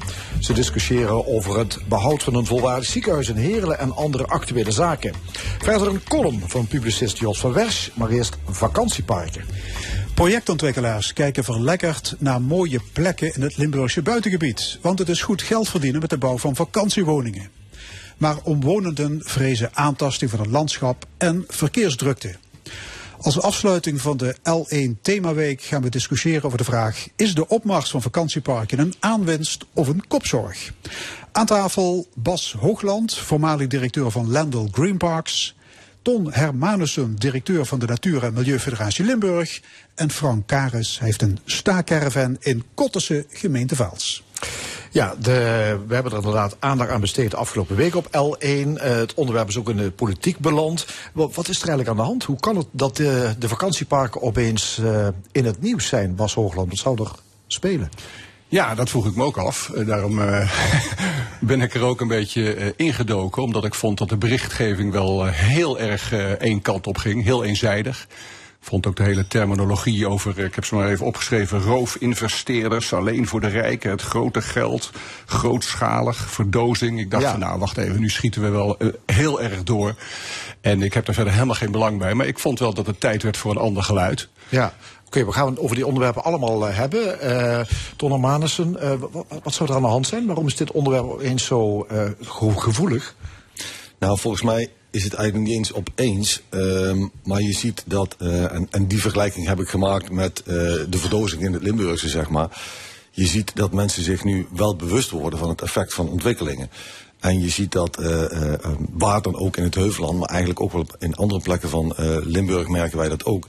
Dat ook onze achterban zich steeds meer zorgen maakt over deze ontwikkelingen. En dan gaat het ook met name om het landschap. Nou ja, dat, dat, ja, maar dat is ook een ongelooflijk ingewikkeld begrip, hè, het landschap. Ik heb vooral ook proberen tot nu toe duidelijk te maken dat het effect van verdere uitbreiding van recreatieve ontwikkelingen, de recreatieve druk op het landschap, maar vooral ook op de natuurgebieden, alleen maar groter en groter maakt. En nou, als we dan inzoomen op het Zuid-Limburgse, dan zie je dat daar ehm, vele kleinere natuurgebieden zijn. eh, waar de recreatieve druk alleen maar op toeneemt. Met wandelaars, mountainbikers, fietsers. Eh, en de gebieden worden niet groter. Er komt niet meer natuur bij. Maar netto met alle ontwikkelingen komen er wel meer bezoekers bij. En ook nog eens een keer van seizoensgebonden naar jaar rond. Eh, en in dat opzicht is het denk ik, eh, ja, dat is ook onze oproep geweest. En ik, ik moet het ook uit de krant halen van de week dat eh, Michael Teuns in ieder geval al aangegeven heeft als verantwoordelijk gedeputeerde van ik ga daarmee in de slag. hè. Ja. Want het, Ja, is, het is in essentie... Het gaat om het, gaat om het landschap, het gaat om de drukte. Bas Hoogland, u, u bent verantwoordelijk geweest voor 75 eh, vakantieparken van Lendel Green Parks Ja, in heel Europa. ja. Ja. Heel Europa. Wat verwacht de verblijfstoerist anno 2023 eigenlijk? Nou, die, die verwacht wel eh, meer luxe. Dat is gewoon een feit. Je ziet dat campings, en dat, dat, dat is al heel lang aan de gang, dat campings het eh, veel lastiger hebben. Eh, Gewoon een camping met een grasveld, eh tentje erop en een eh, Ja, je ziet daar ook Dat de glamping opkomen. Hè. Daar worden toch ook dingen neergezet. Dus je ziet dat dat eh, minder wordt. En, je, eh, ja, en wat, de, wat de ontwikkeling is, is dat met name op plekken waar al een camping is. Dat daar, eh, nou ja, eh, of er is geen opvolging meer, dan wordt het verkocht. En dan komt er een, eh, een investeerder en die gaat er iets duurzamers neerzetten met een hoge kwaliteit. Ja, is dat Dus omdat de campinggast dat verwacht? Nee, dat is omdat, omdat er een nieuwe investeerder komt die een, eh, een ander model heeft. Want het, nogmaals, het is geen vetpot. Maar meteen daarop reagerend, eh, wat Ton zei, van. eh, dat betekent dat een plaats waar bijvoorbeeld, ik verzin maar wat, 500 eh, staanplaatsen zijn, daar komen dan 100 bungalows. Dus daar komen niet per definitie meer mensen bij. Het is wel een enorme kwaliteitsslag die dan wordt gemaakt. En waarvan ik ook vind, en dan ga ik, dan ga ik helemaal met jou mee, eh, dat er heel zorgvuldig moet worden gekeken naar de inpassing in de omgeving. En dat doen investeerders ook. Ik heb in, in de twintig jaar dat ik bij Landel heb gezeten, heel veel projecten mogen zien komen en zien gaan. En, een van de, en, en het is alleen maar interessant als het project klopt, als het eh, goed past in de regio. En we hebben ook heel, tegen heel veel projecten nee gezegd. Ja, Frank Karis, ja, u, staat, eh, u bent ehm, campinggast, mag ik dat zo zeggen. U heeft een staapplek in Kottersen. Hè? Dat is een, eh, een camping eh, in het eh, uiterste zuiden, in het, in het Heuvelland. Hoe, hoe ziet dat er nu uit waar u staat? Nou, het is eh, niet van iets in 2014 uitgeroepen als het mooiste stukje natuur in Nederland. En ja, ik strijd ervoor dat dat zo blijft. Want op het moment dat daar huisjes gebouwd gaan worden, dan zitten we over tien jaar hier dat we toch een heel stuk mooie natuur verloren zijn. Ja, want hoe ziet het er nu uit waar u staat? Die, die, die camping bedoel ik, de natuur, die kunnen we ons voorstellen. Heuvelland, eh, maar hoe ziet de camping Er eruit? is iets voor te zeggen dat die camping qua uitzicht mooier zou mogen worden. Ja, want wat Eh, is er, wat is er nu? Wat, is er er staan heel veel staakcaravans. Er staan heel veel staakcaravans, ja. Ja. ja. Ja.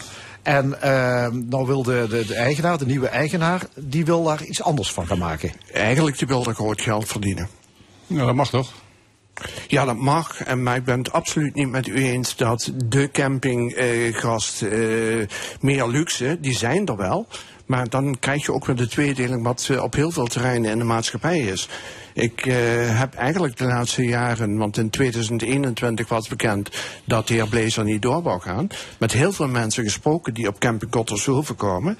Eh, laatst nog met een gescheiden vrouw met twee kids. En die was blij dat ze voor 750 euro nog twee weken een mooie vakantie kon vieren. Ja, er staan nu staakcaravans, heel veel Ja. staakcaravans. En de nieuwe eigenaar die wil dat, eh, af van die staakcaravans, die wil daar eigenlijk huisjes gaan bouwen. Ja, laatste nieuws wat ik 11 eh, september hoorde, dat het vakwerkhuisjes, en dat heeft te maken met beschermd eh, dorpsgezicht. Ja, vakwerkhuisjes. Kan dat op zo'n manier dat de natuur en het landschap niet geschaad wordt eh, op, op zo'n plek, Ton Armanissen? Ja, natuurlijk. Kijk, wat het, wat het voor ons echt als een dilemma maakt, want ik snap ook wel wat Bas aangeeft. Wij zien op dit moment ook wel ehm, zeg maar ontwerpen voorbij komen die vaak ook door goede eh, eh, landschaparchitectenbureaus gemaakt worden. Waarbij als je het vergelijkt bij wijze van spreken met de huidige situatie, en dat geeft u ook toe, eh, het eigenlijk een verbetering is. Voor biodiversiteit, voor, voor het landschap. vaak ook nog voor het vasthouden van water. Hè, want dat is een ander punt wat, wat wij in de gaten houden. Nu zeker in het Zuid-Limburgse, zeg maar, de verstening van het landschap. Dus aan zich, elke plek aan zich kun je iets van zeggen. Dat is een verbetering ten opzichte van de huidige situatie. Ehm, mijn zorg zit er vooral in, in dat eh, de, het omzetten van seizoensgebonden een jaar rond. Dat betekent dat je jaar rond meer mensen in het Heuvelland hebt of andere gebieden van Limburg. En, en in een aantal, in veel van de locaties waar we het nu over hebben, dat is geen transformatie van het bestaande, maar dat is uitbreiding. Bijvoorbeeld bij Hoogvaals is het nadrukkelijk, dan willen ze de golfbaan willen ze zeg maar ook, dat is een uitbreiding van het bestaande. Als je nou zou zeggen, ik ga het bestaande transformeren naar waar Bas en ik het samen over eens zijn, een goed landschappelijk ingepast met de weg- hoge wegstaakcaravans en mooie huizen Maar, maar, maar, laten we het dan over. Bas Hoogland. Ja, als we het hebben over Kotterse Hoeven. Er zijn 300 plaatsen. Er staan een aantal caravans. Hè, vouwwagens, tenten. Ik bedoel, dat ziet er niet heel erg tof uit als je daar naar kijkt, als je daar rondloopt. Ik kom er heel vaak, twee keer in de week. En op het moment dat daar iets zou komen wat past in dat landschap, bijvoorbeeld vakwerkhuizen, en het, zijn, en het, moet, er, het moet niet grootschalig, het moet ook kleinschalig, dan kan dat een kwalitatieve verbetering zijn. Dat is natuurlijk niet leuk voor meneer Karis, want meneer Karis wil zijn standplaats houden. Ja, die dat staat snap nou- ik best. die- staat voor een paar honderd ja, euro dan Ja, nee, maar, nee, maar dat snap ik best. Die wil die, wil die plaats houden. Maar als mijn bakker eh, zijn pand verkoopt aan de slager, kan ik natuurlijk niet tegen die slager zeggen... ja, maar ik wil brood blijven kopen. Ik bedoel, daar, daar, daar gaat meneer Karis helaas niet over. En dat is heel vervelend. Maar eh, het is verkocht. En de, de eigenaar kan nu ook zeggen van... nou, ik maak er alleen nog maar... eh, korte kampeerplaatsen van. Ik stop ook met de jaarplaatsen. Dan moet meneer Karis ook weg. Dus het zijn Ja. twee discussies hier al die door elkaar lopen. Ja, meneer Karis, u Maar- heeft geen, eh, ja, wat ik hoor, het is, ja, het is een ondernemerschap. Het is een ondernemerschap. En ja, die ondernemer kan met die plek doen Er wat hij gaat wil. weer voorbij aan wat ik roep, betaalbaar recreëren. Dat moet toch voor iedere laag in de bevolking mogelijk zijn.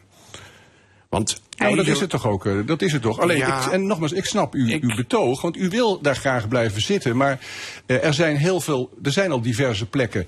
Eh, pak de Douwsberg, pak de Kouberg, pak Stroombron. Dat waren campings, dat ging allemaal niet zo lekker, dat ging niet zo goed. Er moest ongelooflijk in geïnvesteerd worden. Een toiletgebouw kost ongeveer 400.000 euro. Nou, sommige campings kunnen dat niet opbrengen. Dan komt daar iets en dan moet daar iets komen. En dan moeten we allemaal op letten. En dan moet, dan moet je ook samen doen van... oké, als dit niet meer economisch haalbaar is... wat gaan we daar dan wel doen? Want laten we niet vergeten dat... ehm, we hebben het ook nog te maken over economie. En, en ik ben het, ben het niet met Ton eens. Eh, ik denk dat het Heuvelland en, en het Achterland en mensen zijn mobiel, die gaan ook naar Maastricht en die gaan ook naar eh, Kerkrade en Aken. Dat, die het, dat, dat we dat echt wel aankunnen als daar honderd huisjes bij komen. Is, met is, man. is er sprake van een wildgroei? Want je ziet dat er op heel veel plekken dus eh, nu plannen zijn om Mm. campings om te bouwen naar, naar vakantieparken of om parken uit te breiden en dergelijke. De vraag is, is daar, is daar coördinatie, is daar wildgroei? Want ik hoorde deze week een eh, variëteitswetenschapper op L1 zeggen, dit, is gewoon, dit zijn vastgoedondernemers die gewoon eh, dit soort eh, projecten aanpakken. Het gaat niet om het toerisme. Op Frank dit moment staan er dik 100 huisjes in de verkoop. Met eh, een prijs die gaat tot 470.000 exclusief BTW. Ik vraag me af, want het is moeilijk eh, aan te komen van wat de bezettingscijfers zijn. We zijn vanuit de, stijg, vanuit eh, de stichting een aantal keren op de twee campings in Veilig geweest. Nou, en ze zijn zeker niet altijd vol, die huisjes. Ja. Nou, Du- Dus wat, wat probeer je daarmee te zeggen? Dat, eh, dat het vastgoedondernemers zijn het- die de prijzen opdrijven? dat er ehm, niet behoefte is aan nog extra ehm, vormen van deze vakantie. Wat, wat daar eigenlijk interessant aan is en wat ik wel belangrijk vind. Amanus om- van de Natuur- en Milieufederatie. eh, dat, dat dit ook eh, op regionale schaal goed onderzocht wordt. Ik, ik hoorde van de week nog, en ik moet zeggen, ik, dat is niet mijn expertise, hè, maar ik hoorde van iemand van de RECON, de belangenbehartigende eh, organisatie voor de recreatieve sector, die, die sprak zijn zorg uit over het feit dat hij eigenlijk wat hij nu ziet, en eh, jij noemt het wilgroeit, eh, in ieder geval de ontwikkeling, dat die verder zou gaan als wat er aan aanbod is in, in, in Zuid-Nederland en dus ook in Limburg. Ik kan dat niet staven, het is niet mijn expertise. Maar dan krijg ik helemaal zorgen, want dan ben je, als je niet oplet op termijn, ben je voor de leegstand aan het eh, ontwikkelen. Ja, maar- ik kan dat ja. niet beoordelen, Nee, maar- hè, nogmaals. Ja, maar wat- wat- Maar dat- Bas Hoogland, voormalig directeur van ja. Lennel Green Parks. Is dat eh, denkbaar dat men voor de leegstand bouwt? Nee, Zijn er is, geen, er is natuurlijk geen investeerder die eh, huizen gaat neerzetten. Hè, want er moet ook nog verkocht worden. Dus het begint bij de aankoop van een stuk. Maar als er geen coördinatie is, weet je niet wat die investeerders Nee, maar allemaal het gaat, hebben. alles draait in, de, in toerisme en leisure om locatie, locatie, locatie. En natuurlijk zijn er plannen die helemaal het, eh, niet doorgaan, omdat het geen goede plek is. Als we het hebben over Kottersen, is dat, dat vind ik echt het allermooiste stukje van, van, van Nederland. Kun je natuurlijk zeggen, nou blijf er dan vanaf. Maar er staat nu een camping met 300 plaatsen en dat, moet terug, dat gaat terug dan naar 100. Nou, maar wel naar 100 huisjes. Naar 100 huisjes. En, ehm, ehm, en al- nogmaals, als je dat dan goed inbedt, dan, heeft, eh, dan hebben we daar eh, economisch hebben we daar wat aan. De restaurants die staan, die hebben het ook niet zo best in de winter.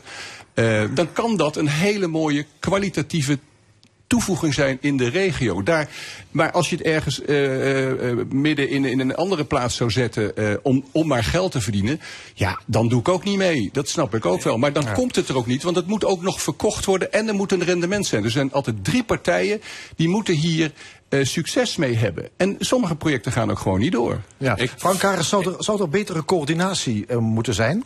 Absoluut. En eh, hopelijk komt de provincie eindelijk in beweging. Ik wou nog even reageren richting de restaurants. Zit Rivalis dan in de winter vol? Eh, ik heb goed nieuws, want Revalis draait ongelooflijk goed. Dan gaan we het Dus, over- nou ja, daar weet ik nou net toevallig iets van over een ja. Maar, maar de eh, gemeenten zijn nu eh, eigenlijk verantwoordelijk. Dat zijn de bestemmingsplannen die eh, toelaten of je wel of niet zo'n park kan ontwikkelen. Ehm, de, de roep is nu ook richting de provincie om te coördineren. De provincie zegt ja, eigenlijk. Dat, dat kunnen wij niet. We kunnen wel op afstand eh, iets doen, maar die bestemmingsplannen zijn leidend. Door Nou ja, de- kan dat anders? Nou ja, de provincie kan wel degelijk wat doen. En eh, van de week is er ook de eerste uitspraak dat ze daar wat aan willen doen. Kijk, Ja, ze eh, willen het in de nieuwe ver- omgevingsverordening gaan meenemen. Hè? Ja, die kwaliteitsslag die is, die is die, die, die volgens mij delen we die eigenlijk allemaal wel Hm. hier aan, aan tafel. En ook dat je bouwt voor waar behoefte aan is, zeg maar, als je al wilt bouwen. Ehm, maar je ziet gewoon dat het voor elke afzonderlijke gemeente, dat ervaren wij echt elke dag, elke week, is het hartstikke lastig om die afweging te maken. Want zij zien niet wat er in de, de buurgemeentes, of laat staan, Nee. twee gemeentes verderop gebeurt. En de Vaals liggen dadelijk vier van die bungalowparken. Ja, dus, dus dat is precies de reden waarom wij ook met name ons richten op, eh, op de provincie. Overigens, die samen met alle Heuvellandgemeentes al in 2018, als ik het goed zeg nu, een, een toeristisch recreatieve visie voor Zuid-Limburg gemaakt hebben. Waarin ze zeggen, wij willen niet meer naar een kwant- kwantitatieve slag, maar een kwalitatieve Nou, slag. maar dan hebben we hem toch te pakken. En dat is natuurlijk wel de essentie. En vervolgens moet je dat dan dus ook vind ik, op zijn minst op regionaal niveau, dus eigenlijk in dit geval vanuit de provincie, moet je dat dan ook gaan coördineren. En moet je ook het lef hebben, los nog even van dat ondernemers de afweging maken, dit, dit, hier heb ik geen vertrouwen in of, of niet, moet je ook het lef hebben om ook echt te zeggen, hier kan het wel en hier kan het niet. Ja, er schijnt dat in, eh, in- de gemeente IJs, de Margraten, dat is, natuurlijk een grote heuvellandgemeente, daar wil een kwart van de boerenbedrijven op termijn stoppen. Zijn er nu nog 180, een kwart daarvan wil stoppen. En ja, dat zijn vaak bedrijven in het buitengebied, in toeristische, of, of in, eh, in van die prachtige hoeves. Is het wenselijk dat daar toeristische ontwikkelingen gaan komen? Dat zou misschien ook praktisch zijn voor u, meneer Karas, dat, daar een, dat u daar de staakerven Wel kan toch mijn neerzetten. bezwaar dat steeds op mij. Ik praat eh, vanuit eh, de stichting. Ja. Nee, maar ik bedoel, voor, ik bedoel, dan komt er meer ruimte. Betaalbare recreatiemogelijkheid en parkeer, of kamperen bij de boer, om het zo te zeggen, is toch een heel andere vorm als op een camping. Natuurlijk zijn er bij een boerderij ook mogelijkheden, maar ik zou eh, concrete plannen willen zien. Ja, ja, maar is dat, is dat een aantrekkelijk alternatief als dit soort dat is een- dat is een eh, boerenbedrijven ja, overschakelen op toerisme? Dat is een hele mooie aanvulling. Ik zeg altijd- ja, ik zeg- eh, dat is een mooie aanvulling. Ik zeg altijd wel, ik hoop dat die boer dan ook een hele goede gastheer is. Want eh, dit is een vak. Dit is, eh, dit is gastheerschap. Dit, je kunt niet zomaar een tent neerzetten en dan gaat het Nee. draaien. Dat Nee, maar die boeren mensen. gaan dadelijk ook allemaal huisjes bouwen. Eh, nou, dat weet ik niet. Nee, dat, dat, dat weet ik niet. Maar eh, ehm, ja, dus, eh, de vraag was, het gaat over hoevers. Nou, ik ken een aantal, of ik ken in ieder geval één hoeve in, in, in Veilen. Die zegt nou, ik wilde wel drie, ik ben met drie appartementen bezig, B&B's. Hartstikke leuk. Nogmaals, er is heel veel vraag naar hoogwaardig toerisme in Zuid-Limburg. Dat willen we met z'n allen. Eh, ik kan ook echt vertellen dat uit onderzoek eh, van ons, van Landal, en dat is al jaren geleden, maar het is nog steeds zo, dat de toerist die naar Limburg komt, Zuid-Limburg, dat is een goede toerist, die, die gaat voor de natuur, die gaat voor fietsen, die gaat voor wandelen. Die zoekt geen entertainment, die zoekt geen centerparks-achtige parken. Eh, dus het is een hele eh, bijzondere eh, toerist. Ook, ook op de kleinschalige parken. Nou, ik denk dat we daar nog echt wel ruimte voor hebben. Ik denk ook dat we het economisch echt bikkelhard nodig hebben in Zuid-Limburg. Want hier is niet zoveel. Hè. Er is hier eh, weinig industrie, er is, de landbouw wordt ook minder. Dus laten we met elkaar nou het gesprek aangaan en stoppen met, met alle respect, met, met, het, met het te framen van verdozing en massaal en de rijken. En, Maar maar- waarom vindt maar u dat niet kunnen, die, vergelijking met ja, de verdozing? omdat- nou, ik vind hem gewoon niet, niet terecht. En ik herken hem ook helemaal niet uit het verleden niet en, en uit het nu niet. Ik vind het echt, eh, je zet het daarmee in een kwaad daglicht. Eh, je, en je geeft een projectontwikkelaar ook niet de kans om met een goed plan te komen. En Ja. een goed gesprek te voeren. Armanis van de Natuur- en Milieufederatie, u kwam met die vergelijking met de verdozing. Dus met die grote distributiehallen. Ja, en dat zat hem niet in, ehm, in, het, in het landschapsbeeld, zeg maar. Het zat er mij in eh, dat je, als je op dit moment nu, eh, ik, ik praat er met veel mensen over, eh, en eigenlijk iedereen zegt achteraf van oei, ehm, dat hadden we eigenlijk niet voor ogen, dat het zo groot zou worden. Terwijl het allemaal gepland is, zeg maar. Hè. Het is allemaal bedacht, hè. De, de logistieke centra rondom, eh, rondom Venlo.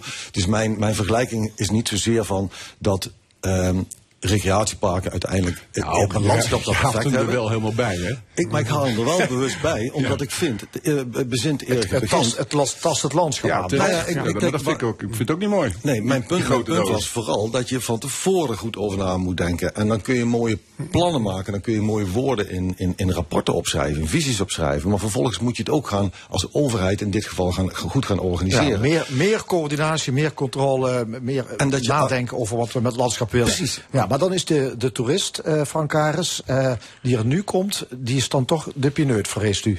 Ja, zeker. Kijk gewoon naar de prijzen die er eh, in de zomermaanden gesteld worden. Je moet gaan zoeken om onder de 1000 euro per week kwijt te zijn. En er zijn heel veel mensen in het land die vakantie willen vieren in het Heuvelland, maar die dat absoluut niet kunnen opbrengen. Ja, wat, wat zou de oplossing daarvoor kunnen zijn? Want we horen nu, ja, als het een particuliere ontwikkelaar is die zo'n camping koopt, eh, ja, dan kan hij dan natuurlijk, kan hij op een andere manier dat gaan invullen. Dus waar, waar zou de toerist waar u voor opkomt, waar zou die dan nog terecht kunnen? Ja, misschien dat idee eh, richting de boeren, maar laat ik even richting eh veilen pakken. Eh, er zou natuurlijk ook dat er geen behoefte is en dat die camping eh, gaat verdwijnen en teruggegeven wordt aan de natuur. Ook dat is een mogelijkheid. Ja, ja dat is ook een Nou, moet, ja, ik- moet iemand hem wel kopen? Precies. Wat, wat ik daar wel interessant aan vind, hè, van, is, is, de, is, de, is de campingbezoeker, is die ehm, de pineut? Ja, ik maak mij ook zorgen over. eh, we hebben allerlei bijzondere soorten in het, eh, eh, soorten flora fauna in, het- in het Limburgse. Noem de eikenmuis, is uniek voor Nederland. Is een heel schuw diertje.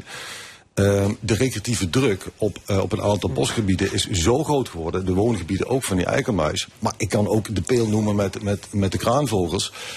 Dat zijn plekken waar je heel zorgvuldig mee om moet gaan. Wat je daar toestaat. En dat wordt lastiger als je dat op lokaal niveau niet kunt, eh, goed kunt regisseren. Ja, dus oké, dat dat, vraagt is, dat is, nogmaals. het is uw punt, meer regulering vanuit de provincie. En, het, en die mogelijkheden hebben ze. Maar helpen jullie dan zo'n ontwikkelaar ook? Gaan jullie dan ook het gesprek aan? Want jullie zijn, vind ik, in de hele berichtgeving de hele week tegen, tegen, tegen. En ik hoor niet het geluid van, eh, eh, en, en, en dat is ook mijn betoog, gewoon samen optrekken. Ik bedoel, jullie hebben heel veel expertise. Ga dan praten met zo'n ontwikkelaar. Dan help je. En, en, ik bedoel, laten we nou eens gaan kijken hoe het wel kan. In plaats van nee, nee, nee en muizen hier en daar. En daar worden we allemaal heel... Nee, maar dat, dat, dat, dat, werkt, dat werkt echt contra. Want daar hebben we een keer eh, met z'n allen genoeg van. Dat was met de dassen ook, met de rails, met de treinen. Dat ze een week niet gingen rijden. Ja, op een gegeven moment zegt iedereen, jongens, eh wat gaan we doen? Ja, tegelijk. Nou, dus dus Ik- mijn, ik mijn uitnodiging is, ga het Ja. gesprek Ja, aan tot slot, tot daar maar. Dus ik. Ik, snap de oproep. Hè. De, de is een mooie vergelijking. Hè, omdat er ooit eh, eh, eh, een partij was, eh, namelijk Dirkma destijds, die ook met, vanuit Chagijn en ju- juridische aanpak heeft die ervoor gezorgd dat maar, we nu maar wat antwoord, hebben. antwoord op de vraag? Ehm, nee, nou ja, dat, dat heb ik van de week inderdaad, dat is althans niet in de krant terechtgekomen. Ja, wij zijn al in gesprek met partijen. Alleen waar mijn dilemma zit, is als wij nu al mee gaan denken over uitbreidingen, dan werken wij in principe mee aan nog meer recreatieve druk. we beginnen al bij de Dus transities. We beginnen al bij de dat- transities. Daar, daar heb je mij meteen, als er, als er bestaande parken zijn Ja. die zeggen wij willen tran- eh, transformeren naar meer natuur, eh, eh, beter water vasthouden, een Ja. betere landschappelijke inpassing, zitten wij meteen aan nou, tafel. Nou goed, de, de- misschien komt dit toch nog wel ergens bij elkaar. Dank jullie wel. Bas Hoogland, voormalig commercieel directeur van Lendel Green Parks. Ton Armanissen, directeur van de Natuur- en Milieufederatie Limburg. En actievoerder en recreant Frank Karens. Dank jullie wel. U luistert naar L1 met de stemming. Zo dadelijk de column van Jos van Wers over glyfosaat, Parkinson en de BBB. Maar eerst een Franstalig lied. Hier is Michel Polnareff, La poupée qui fait non.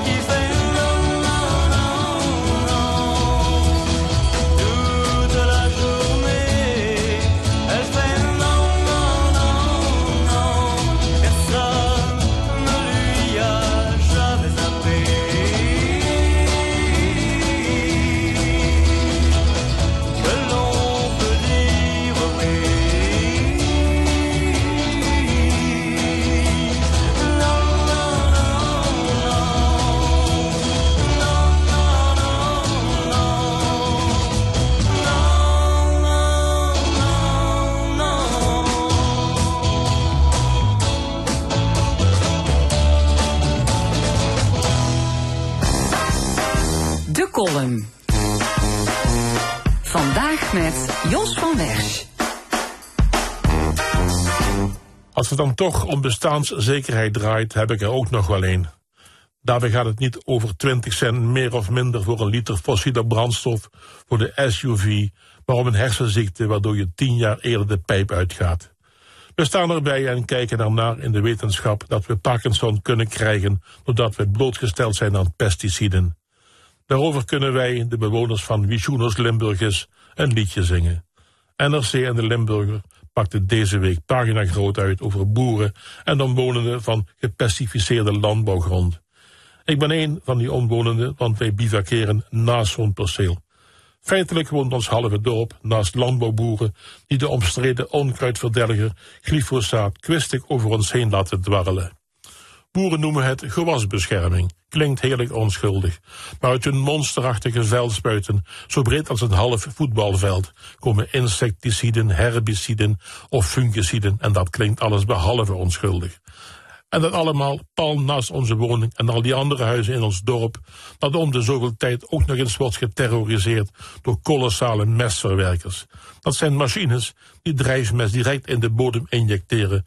In de wetenschap dat zelfs een kleine hoeveelheid drijfmest een averechtse werking heeft op de biodiversiteit, want het bodemleven gaat compleet naar de mallemoer. Zo'n mestinjecteur is overigens klein bier, vergeleken met zo'n godsgruwelijke veldspuit die de glyfosaat van de firma Monsanto neer laat dalen op alles wat nog leeft en beweegt in de nabije omgeving. Nadat de veldspuit zijn goedje heeft uitgespuugd en wij ramen en deuren weer voorzichtig op een kier durven te zetten, hangt in de buitenlucht een zoete, weege geur die mij doet denken aan I love the smell of napalm in the morning van luitenant-kolonel Kilgore in de oorlogsfilm Apocalypse Now. Anders gezegd, Agent Orange op Limburgse schaal.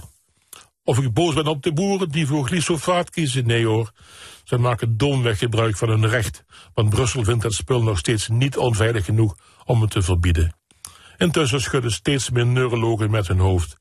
Is er dan echt niemand die ingrijpt? Nee hoor, sterker nog, zolang de boerenlobby in Brussel en de BBB in het gouvernement het voor het zeggen hebben, is de bestaanszekerheid van onze boeren dankzij glyfosaat gegarandeerd. Die van de neurologen trouwens ook. De column van Jot van Wers en het laatste onderdeel van de stemming, dat is zoals altijd het discussiepanel. We gaan het vandaag hebben over het ziekenhuisprotest in Heerlen. Kijken terug naar het CDA-congres. Uh, er is 4 miljard extra voor de lage en middeninkomens uitgetrokken. En de BIEB die herrijst weer. Hartelijk welkom Gabrielle Heijnen, CDA-fractievoorzitter in Maastricht. Cor Bosman, eigenaar van een buurtsuper in Roermond. En Loek Hustings, communicatiedeskundige in Rusten. In Heerlen werd gisteren gedemonstreerd tegen de plannen om het Zuiderland ziekenhuis in Heerlen om te bouwen tot een dagbehandelcentrum. Het beddenhuis, de spoedeisende zorg en de intensive care zouden dan verhuizen naar het ziekenhuis in Geleen. Nou, dat is een variant die niet in goede aarde valt. Vandaar een petitie van 33.000 handtekeningen en een protesttocht. Wie van jullie is solidair met de demonstranten? Ja, ik, ik uh, heb gisteren ook meegelopen, dus ik was daar. Oh, je was dus niet op het CDA-congres, maar jullie Nee, ik vond dit uh, belangrijker. Dus uh, ik vind als, als. Ik ben natuurlijk geboren en getogen in Heerlen, maar ik, waarom ik het belangrijk vind, is ik vind als de regio, daarvoor is het belangrijk. Dus voor Zuid-Limburg eigenlijk is dit gewoon belangrijk. En dan, ja, dan vond ik dat wel belangrijker even dan het CDA-congres. Iemand een andere opinie? Nee, ik kan. Bosman? Ik kan uh, Gabrielle, sorry, ik kan Gabrielle uh, voor een heel deel volgen dat, uh, dat ze zich terecht zorgen maakt met, met alle inwoners in, de, in die Parkswad-regio. Want het tast toch het voorzieningenniveau aan wat, wat daar leeft. Van de andere kant zijn er natuurlijk ook andere partijen die daarin in, in mee participeren, zeg maar. Uh, ik zie heel veel aan de ene kant de directeur van het ziekenhuis. Uh, ik zie ook heel vaak uh, de voorzitter van de specialisten.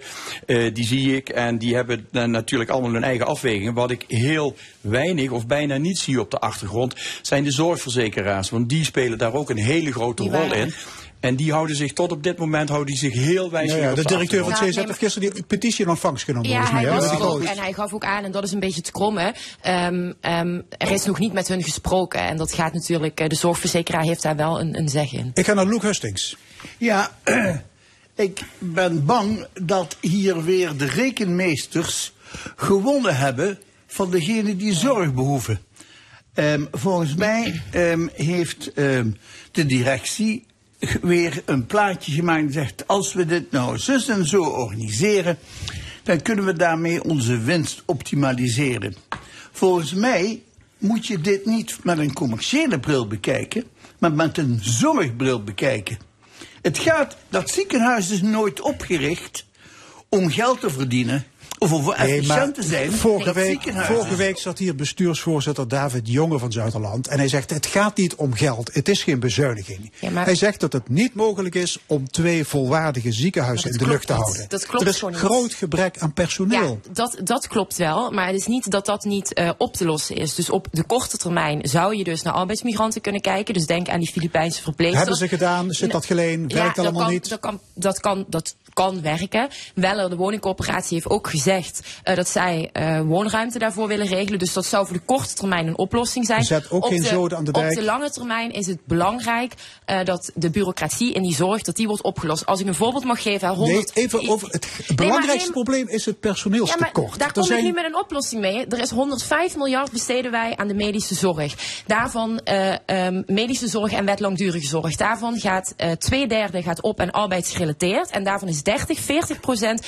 gaat op en administratieve lasten. Dus wij geven 22 à 24 miljard uit aan die lasten. Als ik een voorbeeld mag geven van wat ik van een arts hoor. Die zegt, ik kan op basis van 15 indicatoren... kan ik eigenlijk een goede diagnose stellen. Maar ik moet 50 indicatoren moet ik bijhouden. Dus dat is een probleem soms ook van de vakgroep... soms van de zorgverzekeraar, soms van de gemeente... die hele hoge eisen stellen. Maar dat moet veranderen. Dat moet Ja, maar veranderen. De vraag is Ja, maar dat, daar- of dat... dat scheelt als, als je 30 à 40 procent, niet, alleen van de kosten, maar ook van de tijd die daarin gaat zitten, dan heb je op de lange termijn helemaal niet te maken met een personeelstekort. Maar, er- maar er zijn Dus vacatures voor zes spoedeisende hulpartsen, twintig operatiekamerassistenten. Die zijn niet te vinden. Ja, maar binnen, het is tien jaar, schandalig? binnen tien jaar gaat 20% van het verplegend personeel met pensioen. Ja, maar- Kortom, dit gaat helemaal vastlopen. Ja, maar dat klopt. Maar dan kan het toch niet zo zijn dat je dan maar gewoon zegt... nou, dan hebben jullie geen ziekenhuis. Er zou vanuit leefbaarheid moeten gekeken worden. Dat is ook de afspraak. Elke regio telt een rapport. Er zou vanuit leefbaarheid wordt er gekeken... waar de voorzieningen moeten komen. En dan moet je dus als Heerlen en ziekenhuis Maastricht... voor de regio Zuid-Limburg gaan kijken... Waar, hè, hoeveel inwoners zijn er... hoeveel daarvan zijn eh, ehm, op leeftijd... welk ziektebeeld speelt er... en zo ga je hem indelen. En je gaat hem niet indelen... omdat je nu Ja, na dat- jarenlang het uit de klauwen te laten lopen... een personeelstekort het, hebt. het personeel dat wordt inderdaad als een van de grootste eh, factoren Het aangegeven. grootste het grootste probleem. probleem. Eh, van de andere kant speelt er ook een stukje emotie mee. Als ik gewoon sec als ondernemer kijk. Wat aan cijfers wordt aangereikt, dan kan op basis van, eh, zoals het er nu ligt, dat in 20 jaar tijd het aantal ziekenhuisbedden van 2500 naar 400 terug is gebracht. Eh, voornamelijk door veel efficiënter te werk te gaan. En ik zal de laatste zijn die zegt dat er geen, geen, eh, geen, geen, geen overbodige eh, druk is op, op, op allerhande randzaken. En dat ook de capaciteit van het ziekenhuis dat die alle eh, eh, ehm, eh, opnames, dat ze daar voldoende capaciteit voor hebben. Om dan een, bijvoorbeeld een Frans Timmermans die dan ook meeloopt om te zeggen van ja, dan moet de politiek dat probleem van het personeel maar oplossen. Dan zeggen van ja, politiek, dan zijn jullie al twintig jaar te laat. Mhm. Want de vergrijzing in Nederland, die is, of in, met name in Limburg, is al 40 jaar bekend. Dus daar ben je dan te laat mee. En meneer Wim Groot, de Dus, zorg- dus je zegt even, er is een patroon van het, van het feit dat het aantal bedden afneemt in de loop der tijd. Dat- dat Zuiderland heeft 1 miljoen cliënten per jaar. Ja, meer, Hoeveel- dan, meer dan zit er geleden. Hoeveel procent komt in het beddenhuis terecht, denk je? Het beddenhuis? 4 procent. Ik, heb het- ik heb het opgezocht, dat zijn er Precies. Ja, 40.000 zijn er toch meer. 40.000 per jaar. Als je dat gemiddeld, dat zijn 110, Ja, eh, 110 opnames per dag, maar ze hebben 400 bedden. Hebben Ja, ze. en daarom wordt gezegd, het ziekenhuis van de toekomst is dagbehandeling. Ja, maar... Juist, en als je dat gaat En kijken... Heerlijk krijgt namelijk een Ja, maar het gloednieuw is- Maar het is dagbehandelcentrum. heel leuk om, om, om naar die procenten te kijken. Maar als jij vervolgens straks naar de spoedeisende moet. En dan, en dan kan eh, meneer Jonge wel schemeren met ja, dat is dan eh 31 minuten of wat zei hij. Eh, maar als jij in de spits zit, ja, en het is een stuk langer, ben je wel mooi de sjaak. En ik denk dat heel veel mensen, ehm, die gaan gewoon niet meer zo snel dan naar het ziekenhuis. Omdat het wel degelijk als ver je, weg is. hij zei vorige Maar het is- week, iemand in Bocholt, die krijgt een maagbloeding, die gaat nu ook naar het ziekenhuis in Geleen. Nee, de meesten gaan nog altijd wel gewoon naar Heerlen hoor, als het echt dringend is. Dus dat is gewoon, ik- dat is gewoon, dat klopt ja, gewoon niet. Hij zal het ook beter weten dan jij. Nou, als je, als je gisteren hoort, ook naar de mensen die in het ziekenhuis zelf werken, die zijn er ook tegen. En ik denk dat die mensen die daadwerkelijk daar op de vloer staan, het toch ook wel weten. Jongen zegt, ik garandeer top ziekenhuiszorg in de beide mijnstreken. Nou, dat, dat, is, dat is best wel een stevige uitspraak. Eh, heel even terugkomen op die, eh, op die spoedeisende eerste hulp. Eh Heerlen 32.000, op jaarbasis zit er 20.000. In, die nieuwe, in, in, in het nieuwe concept zou dat dus gaan verdwijnen in Heerlen. Ehm, over die andere, eh, die bedden, et cetera, daar hoor ik eigenlijk weinig, eh, weinig weerstand tegen. Ik denk dat al een groot deel van de zorgen bij de inwoners van Parkstad weggenomen zouden worden. Als in de nieuwe situatie Heerlen ziekenhuis, dat er ook een spoedeisende hulp terecht zou Ja, komen. Koos, daar deel ik denk jouw dat het mening helemaal. Dan, dan denk ik dat het probleem al voor 90% is opgelost. Misschien wordt dat een compromis, wie weet. Waarschijnlijk nou ja, wel, ja. David Maar heeft is gisteren geopperd dat het, eh, dat het eh, besluit nog niet genomen is. Hè? Dat, Ja. dat claimt hij. Dat claimt hij. Dus in die maar zin maar ik heb wel de indruk eh, dat er veel emotie in het spel is. Ja. Hè, dat Heerlen het gevoel heeft, eh, dat we Ja, maar- raken weer maar- iets kwijt. DSM vertrekt al naar Maastricht. Nee, maar het is niet alleen Heeft- emotie. Het is toch ook gewoon feitelijk zo dat straks een ziekenhuis veel verder weg is. En dat het voor mensen gewoon schrijnend is als je straks dus er langer over doet om naar een spoedeisende Ja, hulp maar te gaan. denk je dat, het bestuur dit doet om, om de mensen in de parkstad te pesten? Nee, maar ik vind het wel schandalig dat het besluit zomaar uit de lucht komt vallen. Terwijl er dus helemaal niet met allerlei mensen gewoon eerst gesproken is. Waaronder ook eh, de zorgverzekeraar die dat zegt. De afspraak landelijk was, ehm, kom met een regioplan. Dus verdeel het vanuit de leefbaarheid, verdeel de voorzieningen. En dat is niet gedaan. Het is zomaar uit de lucht komen vallen en dan wordt er geschemerd met ja, het personeelstekort. Alsof dat een eh voldongen feit is waar je niks aan kan doen. Dat is gewoon niet waar. Daarbij komt, als ik nu hoor dat van die spoedeisende hulp in Heerlen anderhalf keer zoveel gebruik gemaakt wordt als in Sittard, blijkt daar dus uit dat er een grotere behoefte in Heerlen is dan in Sittard. Dat je die voorziening in Sittard hebt, vind ik prachtig. Maar je mag hem daarmee in Heerlen nooit afschaffen. Want volgens mij is dat het begin van het einde. Dat is ook het begin van het einde. En het grootste, dat zegt David Jonge dan, ja, het grootste dagbehandelcentrum. Dan denk ik, ja, wat heeft de inwoner in Parkstad? Wat, wat schiet hij daarmee op? Je hebt al genoeg dagbehandelcentra waar je, ja, die zijn er al voldoende. Dus wat schiet de inwoner eh, in Parkstad en de omgeving daarmee op? Helemaal niks, ja. Maar Nou, goed, maar het- ik 96% van de mensen gaat naar het ziekenhuis vanwege een dagbehandeling. Ik zou, het, ik zou het fijn Maar- vinden als dus- ik medische, medische hulp nodig heb. Ja. Eh, het zou mij niet zoveel uitmaken of ik nou in een dagbehandelkliniek of in een langdurige, weet ik veel wat. Ik zou het fijn vinden dat ik binnen een redelijke tijd, als ik medische hulp nodig heb, dat ik dan geholpen zou kunnen worden. En dat zou mij eerlijk gezegd spoedeisende. Maar, je kan- maar je kan wel zeggen dat het gros inderdaad dagbehandel, eh, eh, dagbehandeling is. Maar als jij straks gewoon de IC nodig hebt of de spoedeisende, ga je dan zeggen, ja sorry, weet je, u viel net binnen die 4%. Dus ja, sorry, daar heb je op dat moment toch helemaal niks aan, aan die cijfers. Ja. Ja, maar dit is, dit is Ja, wel... dit het is, is dit niet zo dat die is wel 4% stukje als een lot wordt overgelaten natuurlijk. Nee, maar Die het kan wel, het kan wel eh, zeker wel eh, ehm, het verschil maken omdat je een stuk Nou, verder moet. Dat kan wel wordt degelijk. ontkend door het bestuur van Zuiderland. Ja, door het bestuur. Ja, dat zou ik ook ontkennen als ik hun was. Ja. Als ik nou bedenk dat mijn oud-oud eh, oom Edmond Hustings een van de voorvechters was van dat ziekenhuis in Heerlen omdat hij vond dat een gebied als Heerlen een ziekenhuis nodig had. En ze beginnen dat vandaag in 2025 af te breken. Dan denk ik dat een verworvenheid uit het ver- ver- verleden verdwijnt. Maar dat wordt de niet de afgebroken, er wordt voor 150 miljoen euro in geïnvesteerd. Ja, schat, maar waar mensen Het is ook- allemaal heel de leuk eerste gebracht, instantie- maar dat is natuurlijk gewoon onzin. Het wordt gewoon afgebroken. Ja, dat, Waar het in eerste instantie over Ja, gaat, dat is natuurlijk dat mensen die spoedeisende hulp in hun directe omgeving Precies, nodig hebben. precies. Niet in Groningen, nee, maar in Heerlen waar ze En dan wonen. ga je niet zeggen, sorry, u viel in die 4%, hè, dus u mag zwieberen. Dat ga je dan niet zeggen. Ja. Ja, maar... Bosman, laatste woord. Dan gaan we door naar een ander ik- ja, thema. Mag ik nog één ding zeggen? Wij kunnen in Nederland trots zijn op onze zorg die we hebben. Je zou maar in Afrika wonen waar je 24 uur voor, voor je aller allerdringendste noodzakelijke medische hulp 24 uur achter in een jeepje door over de Serengeti-woestijn Ja, of weet of ik veel lopen. wat. Ja. Of moet Maar lopen. zo kun je alles goed relativeren. Ja. En dan wordt Nee, een maar heerlijke gebracht met de ambulance en is er geen traumadokter om je te opereren. Juist. Hè? Oké, zullen we een ander onderwerp eh, gaan? Eh, gisteren hielden vijf politieke partijen hun verkiezingscongres. VVD, de BBB, Volt, SP en het CDA. Gabrielle Heijnen, jij was er niet, begrijp Nee, ik. klopt. Maar onder, toen jij eh, met die demonstratie meeliep, toen hield eh, jouw lijsttrekker Henry Bontebal eh, daar zijn speech. Mhm. En die was eh, vol zelfvertrouwen. Hij zei letterlijk zelfs, wij gaan Nederland verrassen in november. Wat denk je? Ja, ze gaan er vijf zetels toe. Hoppa, verrassing. Ik denk, Nou, nee, ik denk dat u dat niet bedoelde.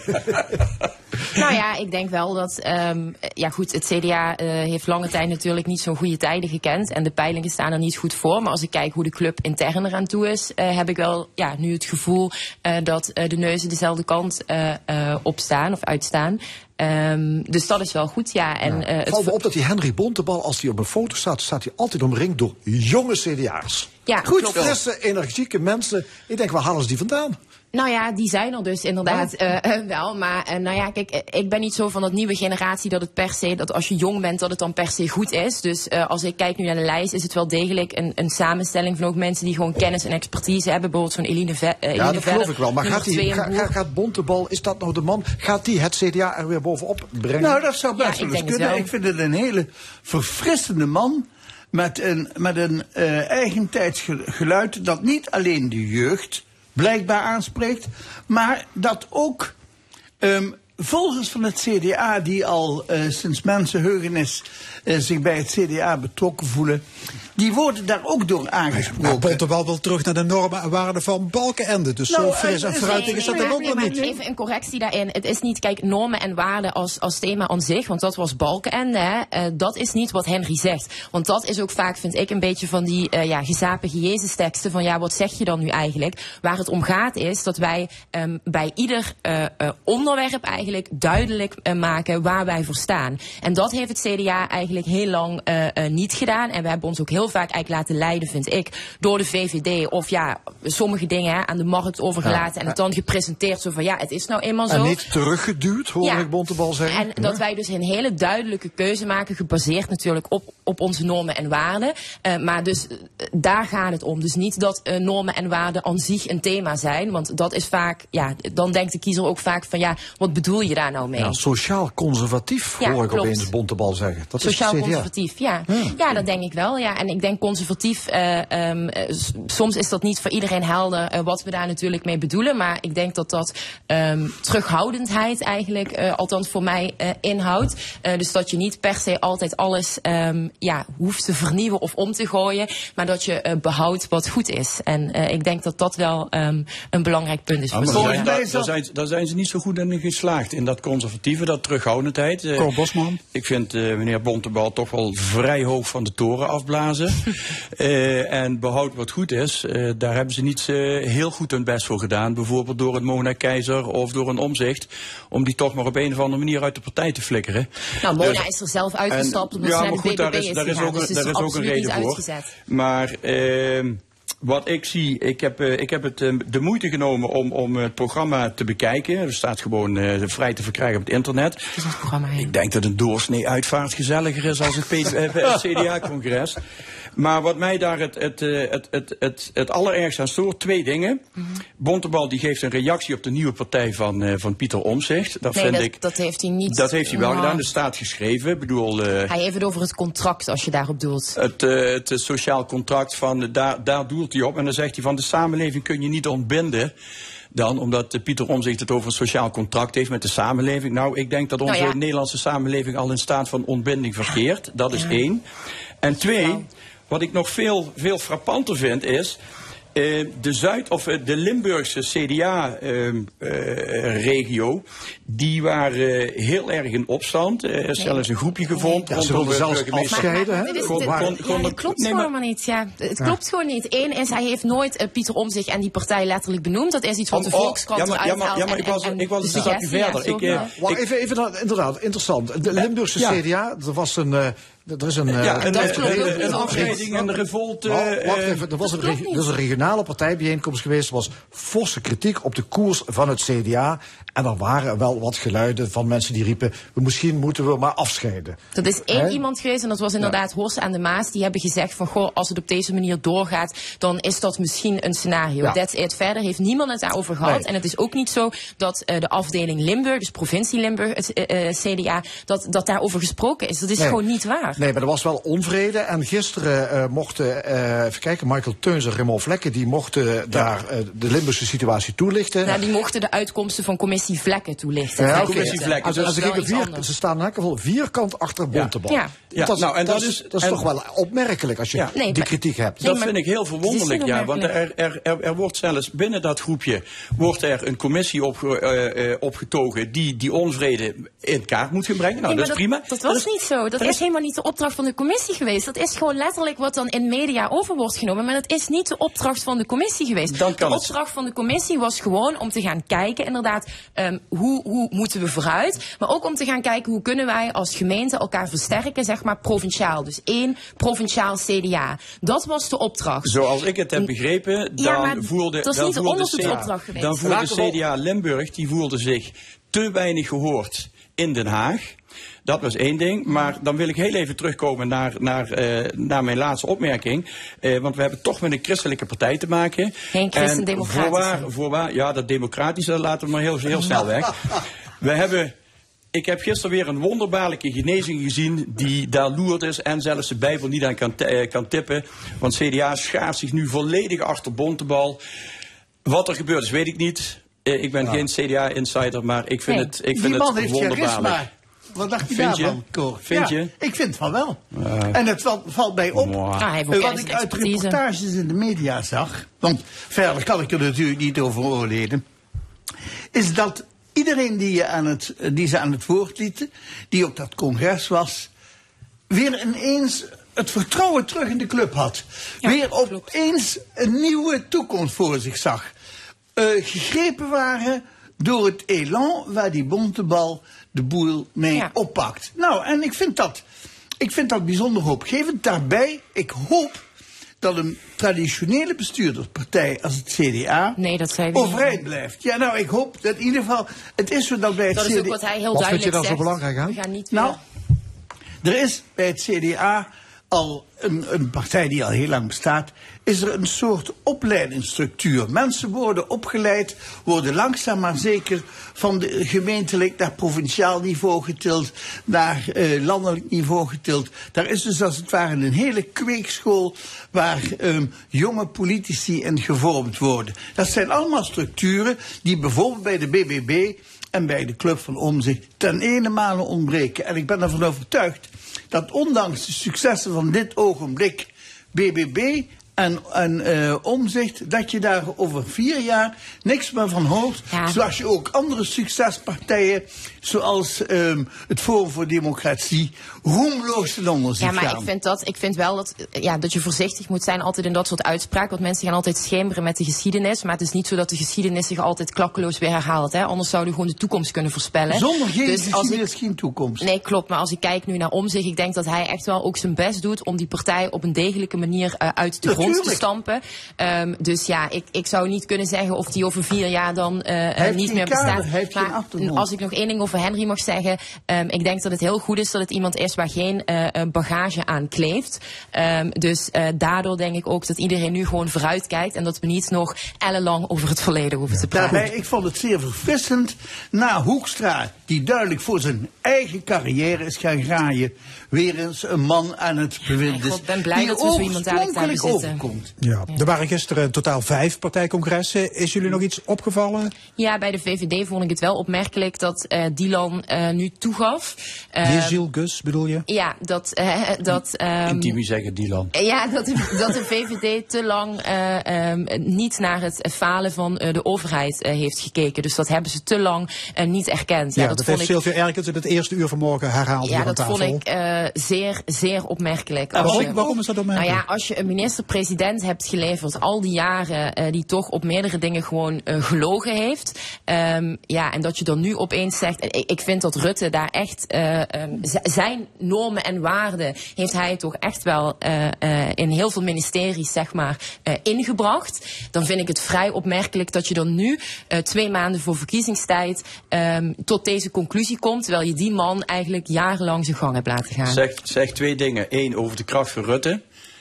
En twee, en twee over de zwakte van de rest van het kabinet. Nou, en van de VVD, denk ik. Nou, wat ik ook wel aardig vond, is dat zij, na twaalf jaar Rutte, zei: Het wordt tijd dat we de pagina omslaan. En dat gaan we dan nu ook doen. Nou, dat zegt wel iets over, laten we zeggen, hoe een, een nieuwe generatie VVD-politici aankijkt tegen de wijze waarop het de laatste Welke 12 nieuwe generatie, iedereen die daar inhoud had, zeg maar, is door Rutte eh, op slinkse wijze zeg maar, de partij uitgewerkt. Dus ja, ze hebben toch jarenlang gewoon geteerd op beeldvorming. Dus welke nieuwe generatie daar met inhoud? Ja, ik heb daar Nou ja, echt ik geen, vind, ik geen vind, hoge ik vind die Jisselt, ja, de achternaam kan ik ook niet uitspreken. Ehm, vind, laten we zeggen, dat vind ik ook wel weer een verfrissend geluid. Volgens mij was de VVD daar ook aan toe. Goed, het was de week van de algemene politieke beschouwingen. Eh, de Kamer gaat voor 4 miljard euro de begroting vertimmeren. Ehm, ja, ter verbetering van de koopkracht van de lage, midden en ook de hogere inkomens. Mag ik stellen dat er werk is gemaakt van bestaanszekerheid? Om dat woord nog Ja, het woord, het woord bestaanszekerheid, dat uh, Kom je langs aan de oren? Dat, dat gaat me vast om kotsen. Eh, waar, zoals ik er tegenaan kijk, we, we, we, we doen bijna niks voor de, voor de koopkracht. We zijn bezig alleen maar met symptoombestrijding. Ja, willen we echte, willen we echte stappen maken, dan moeten we niet met 4 miljard moeten we gaan lopen klooien. Dan moeten we op heel veel vlakken, moeten we echt serieuze, eh, eh, serieuze oplossingen mee komen Nou ja, en er is aandragen. 2 miljard uitgetrokken voor armoedebestrijding. Ja, dat zijn toch serieuze bedragen? Ja, op, de, op de totale begroting is 2 miljard is een half procent. 4 miljard is 1 procent. Dat zijn natuurlijk 4 miljard is serieus geld. Maar daar lossen wij de echte grote problemen, lossen we daar niet, je moet eh, ook ergens- daarmee niet ergens beginnen. Ja, maar dit is aan de verkeerde kant beginnen. Ik ga ook als ik een huis wil bouwen, ga ik niet eerst het dak eh, erop Wat, zetten. wat is aan de goede kant beginnen? Aan de goede kant beginnen van ga eens kijken waar, waar liggen de problemen. We hebben op dit moment te maken met een gigantische inflatie. Wil je de koopkracht bevorderen, dan, dan, dan zijn partijen nu het roepen, we moeten met het minimumloon omhoog. Minimumloon omhoog betekent vervolgens weer een aanslag op Nee, de maar waar moeten we wel beginnen? We moeten onder andere beginnen met de volkshuisvesting. We moeten beginnen met de zorg. We moeten beginnen met het immigratieprobleem. Dat zijn serieuze problemen. En we moeten ook eens met z'n allen serieus nog eens een keer gaan kijken met de transitie van de energie en van, van de, van de Dus natuuropgaven. die bestaanszekerheid komt op plaats 2, 3, 4 Als we eigenlijk. die problemen niet aanpakken, dan wordt onze bestaanszekerheid met de dag wordt die minder. Nou ja, ik, ik denk, eh, het probleem is wel, ehm, er wordt heel vaak inderdaad met geld gestrooid. Ik vind het ook wel deels symptoombestrijding, omdat wat je gewoon bij de overheid ziet, is dat alles eigenlijk vastloopt in de uitvoering. Dus ik denk wel dat het gewoon belangrijk is eh, voor een volgend kabinet, dat je gewoon echt gaat snijden in ehm, eigenlijk alles wat niet per se noodzakelijk is. En je op de ehm, ja, noodzakelijkheden Oké, focust. Hustings, 15 seconden. Eh, symptoombestrijding vind ik wel heel aardig geroepen. Maar laat ik even zeggen, ehm, die bestaanszekerheid. Weet je nog wat dat was? Dat was werk, recht hebben op werken, wonen, onderwijs en zorg. Toevallig de helft van de punten die jij net noemt, Cor. Ehm, inderdaad, migratie is een bijkomend probleem. Moeten we zeker aanpakken. Hartelijk dank, discussiepanel. Vandaag met Cor Bosman, Loek Hustings en Gabrielle Heijnen. En dit was de stemming vandaag gemaakt door Edwin Maas, Fons Geraerts en Frank Ruber. Graag tot volgende week zondag, 11 uur. En dit programma is na te luisteren op onze website l1.nl en ook via podcast. De herhaling is maandagavond om 8 uur. Ik wens u nog een hele mooie zondag.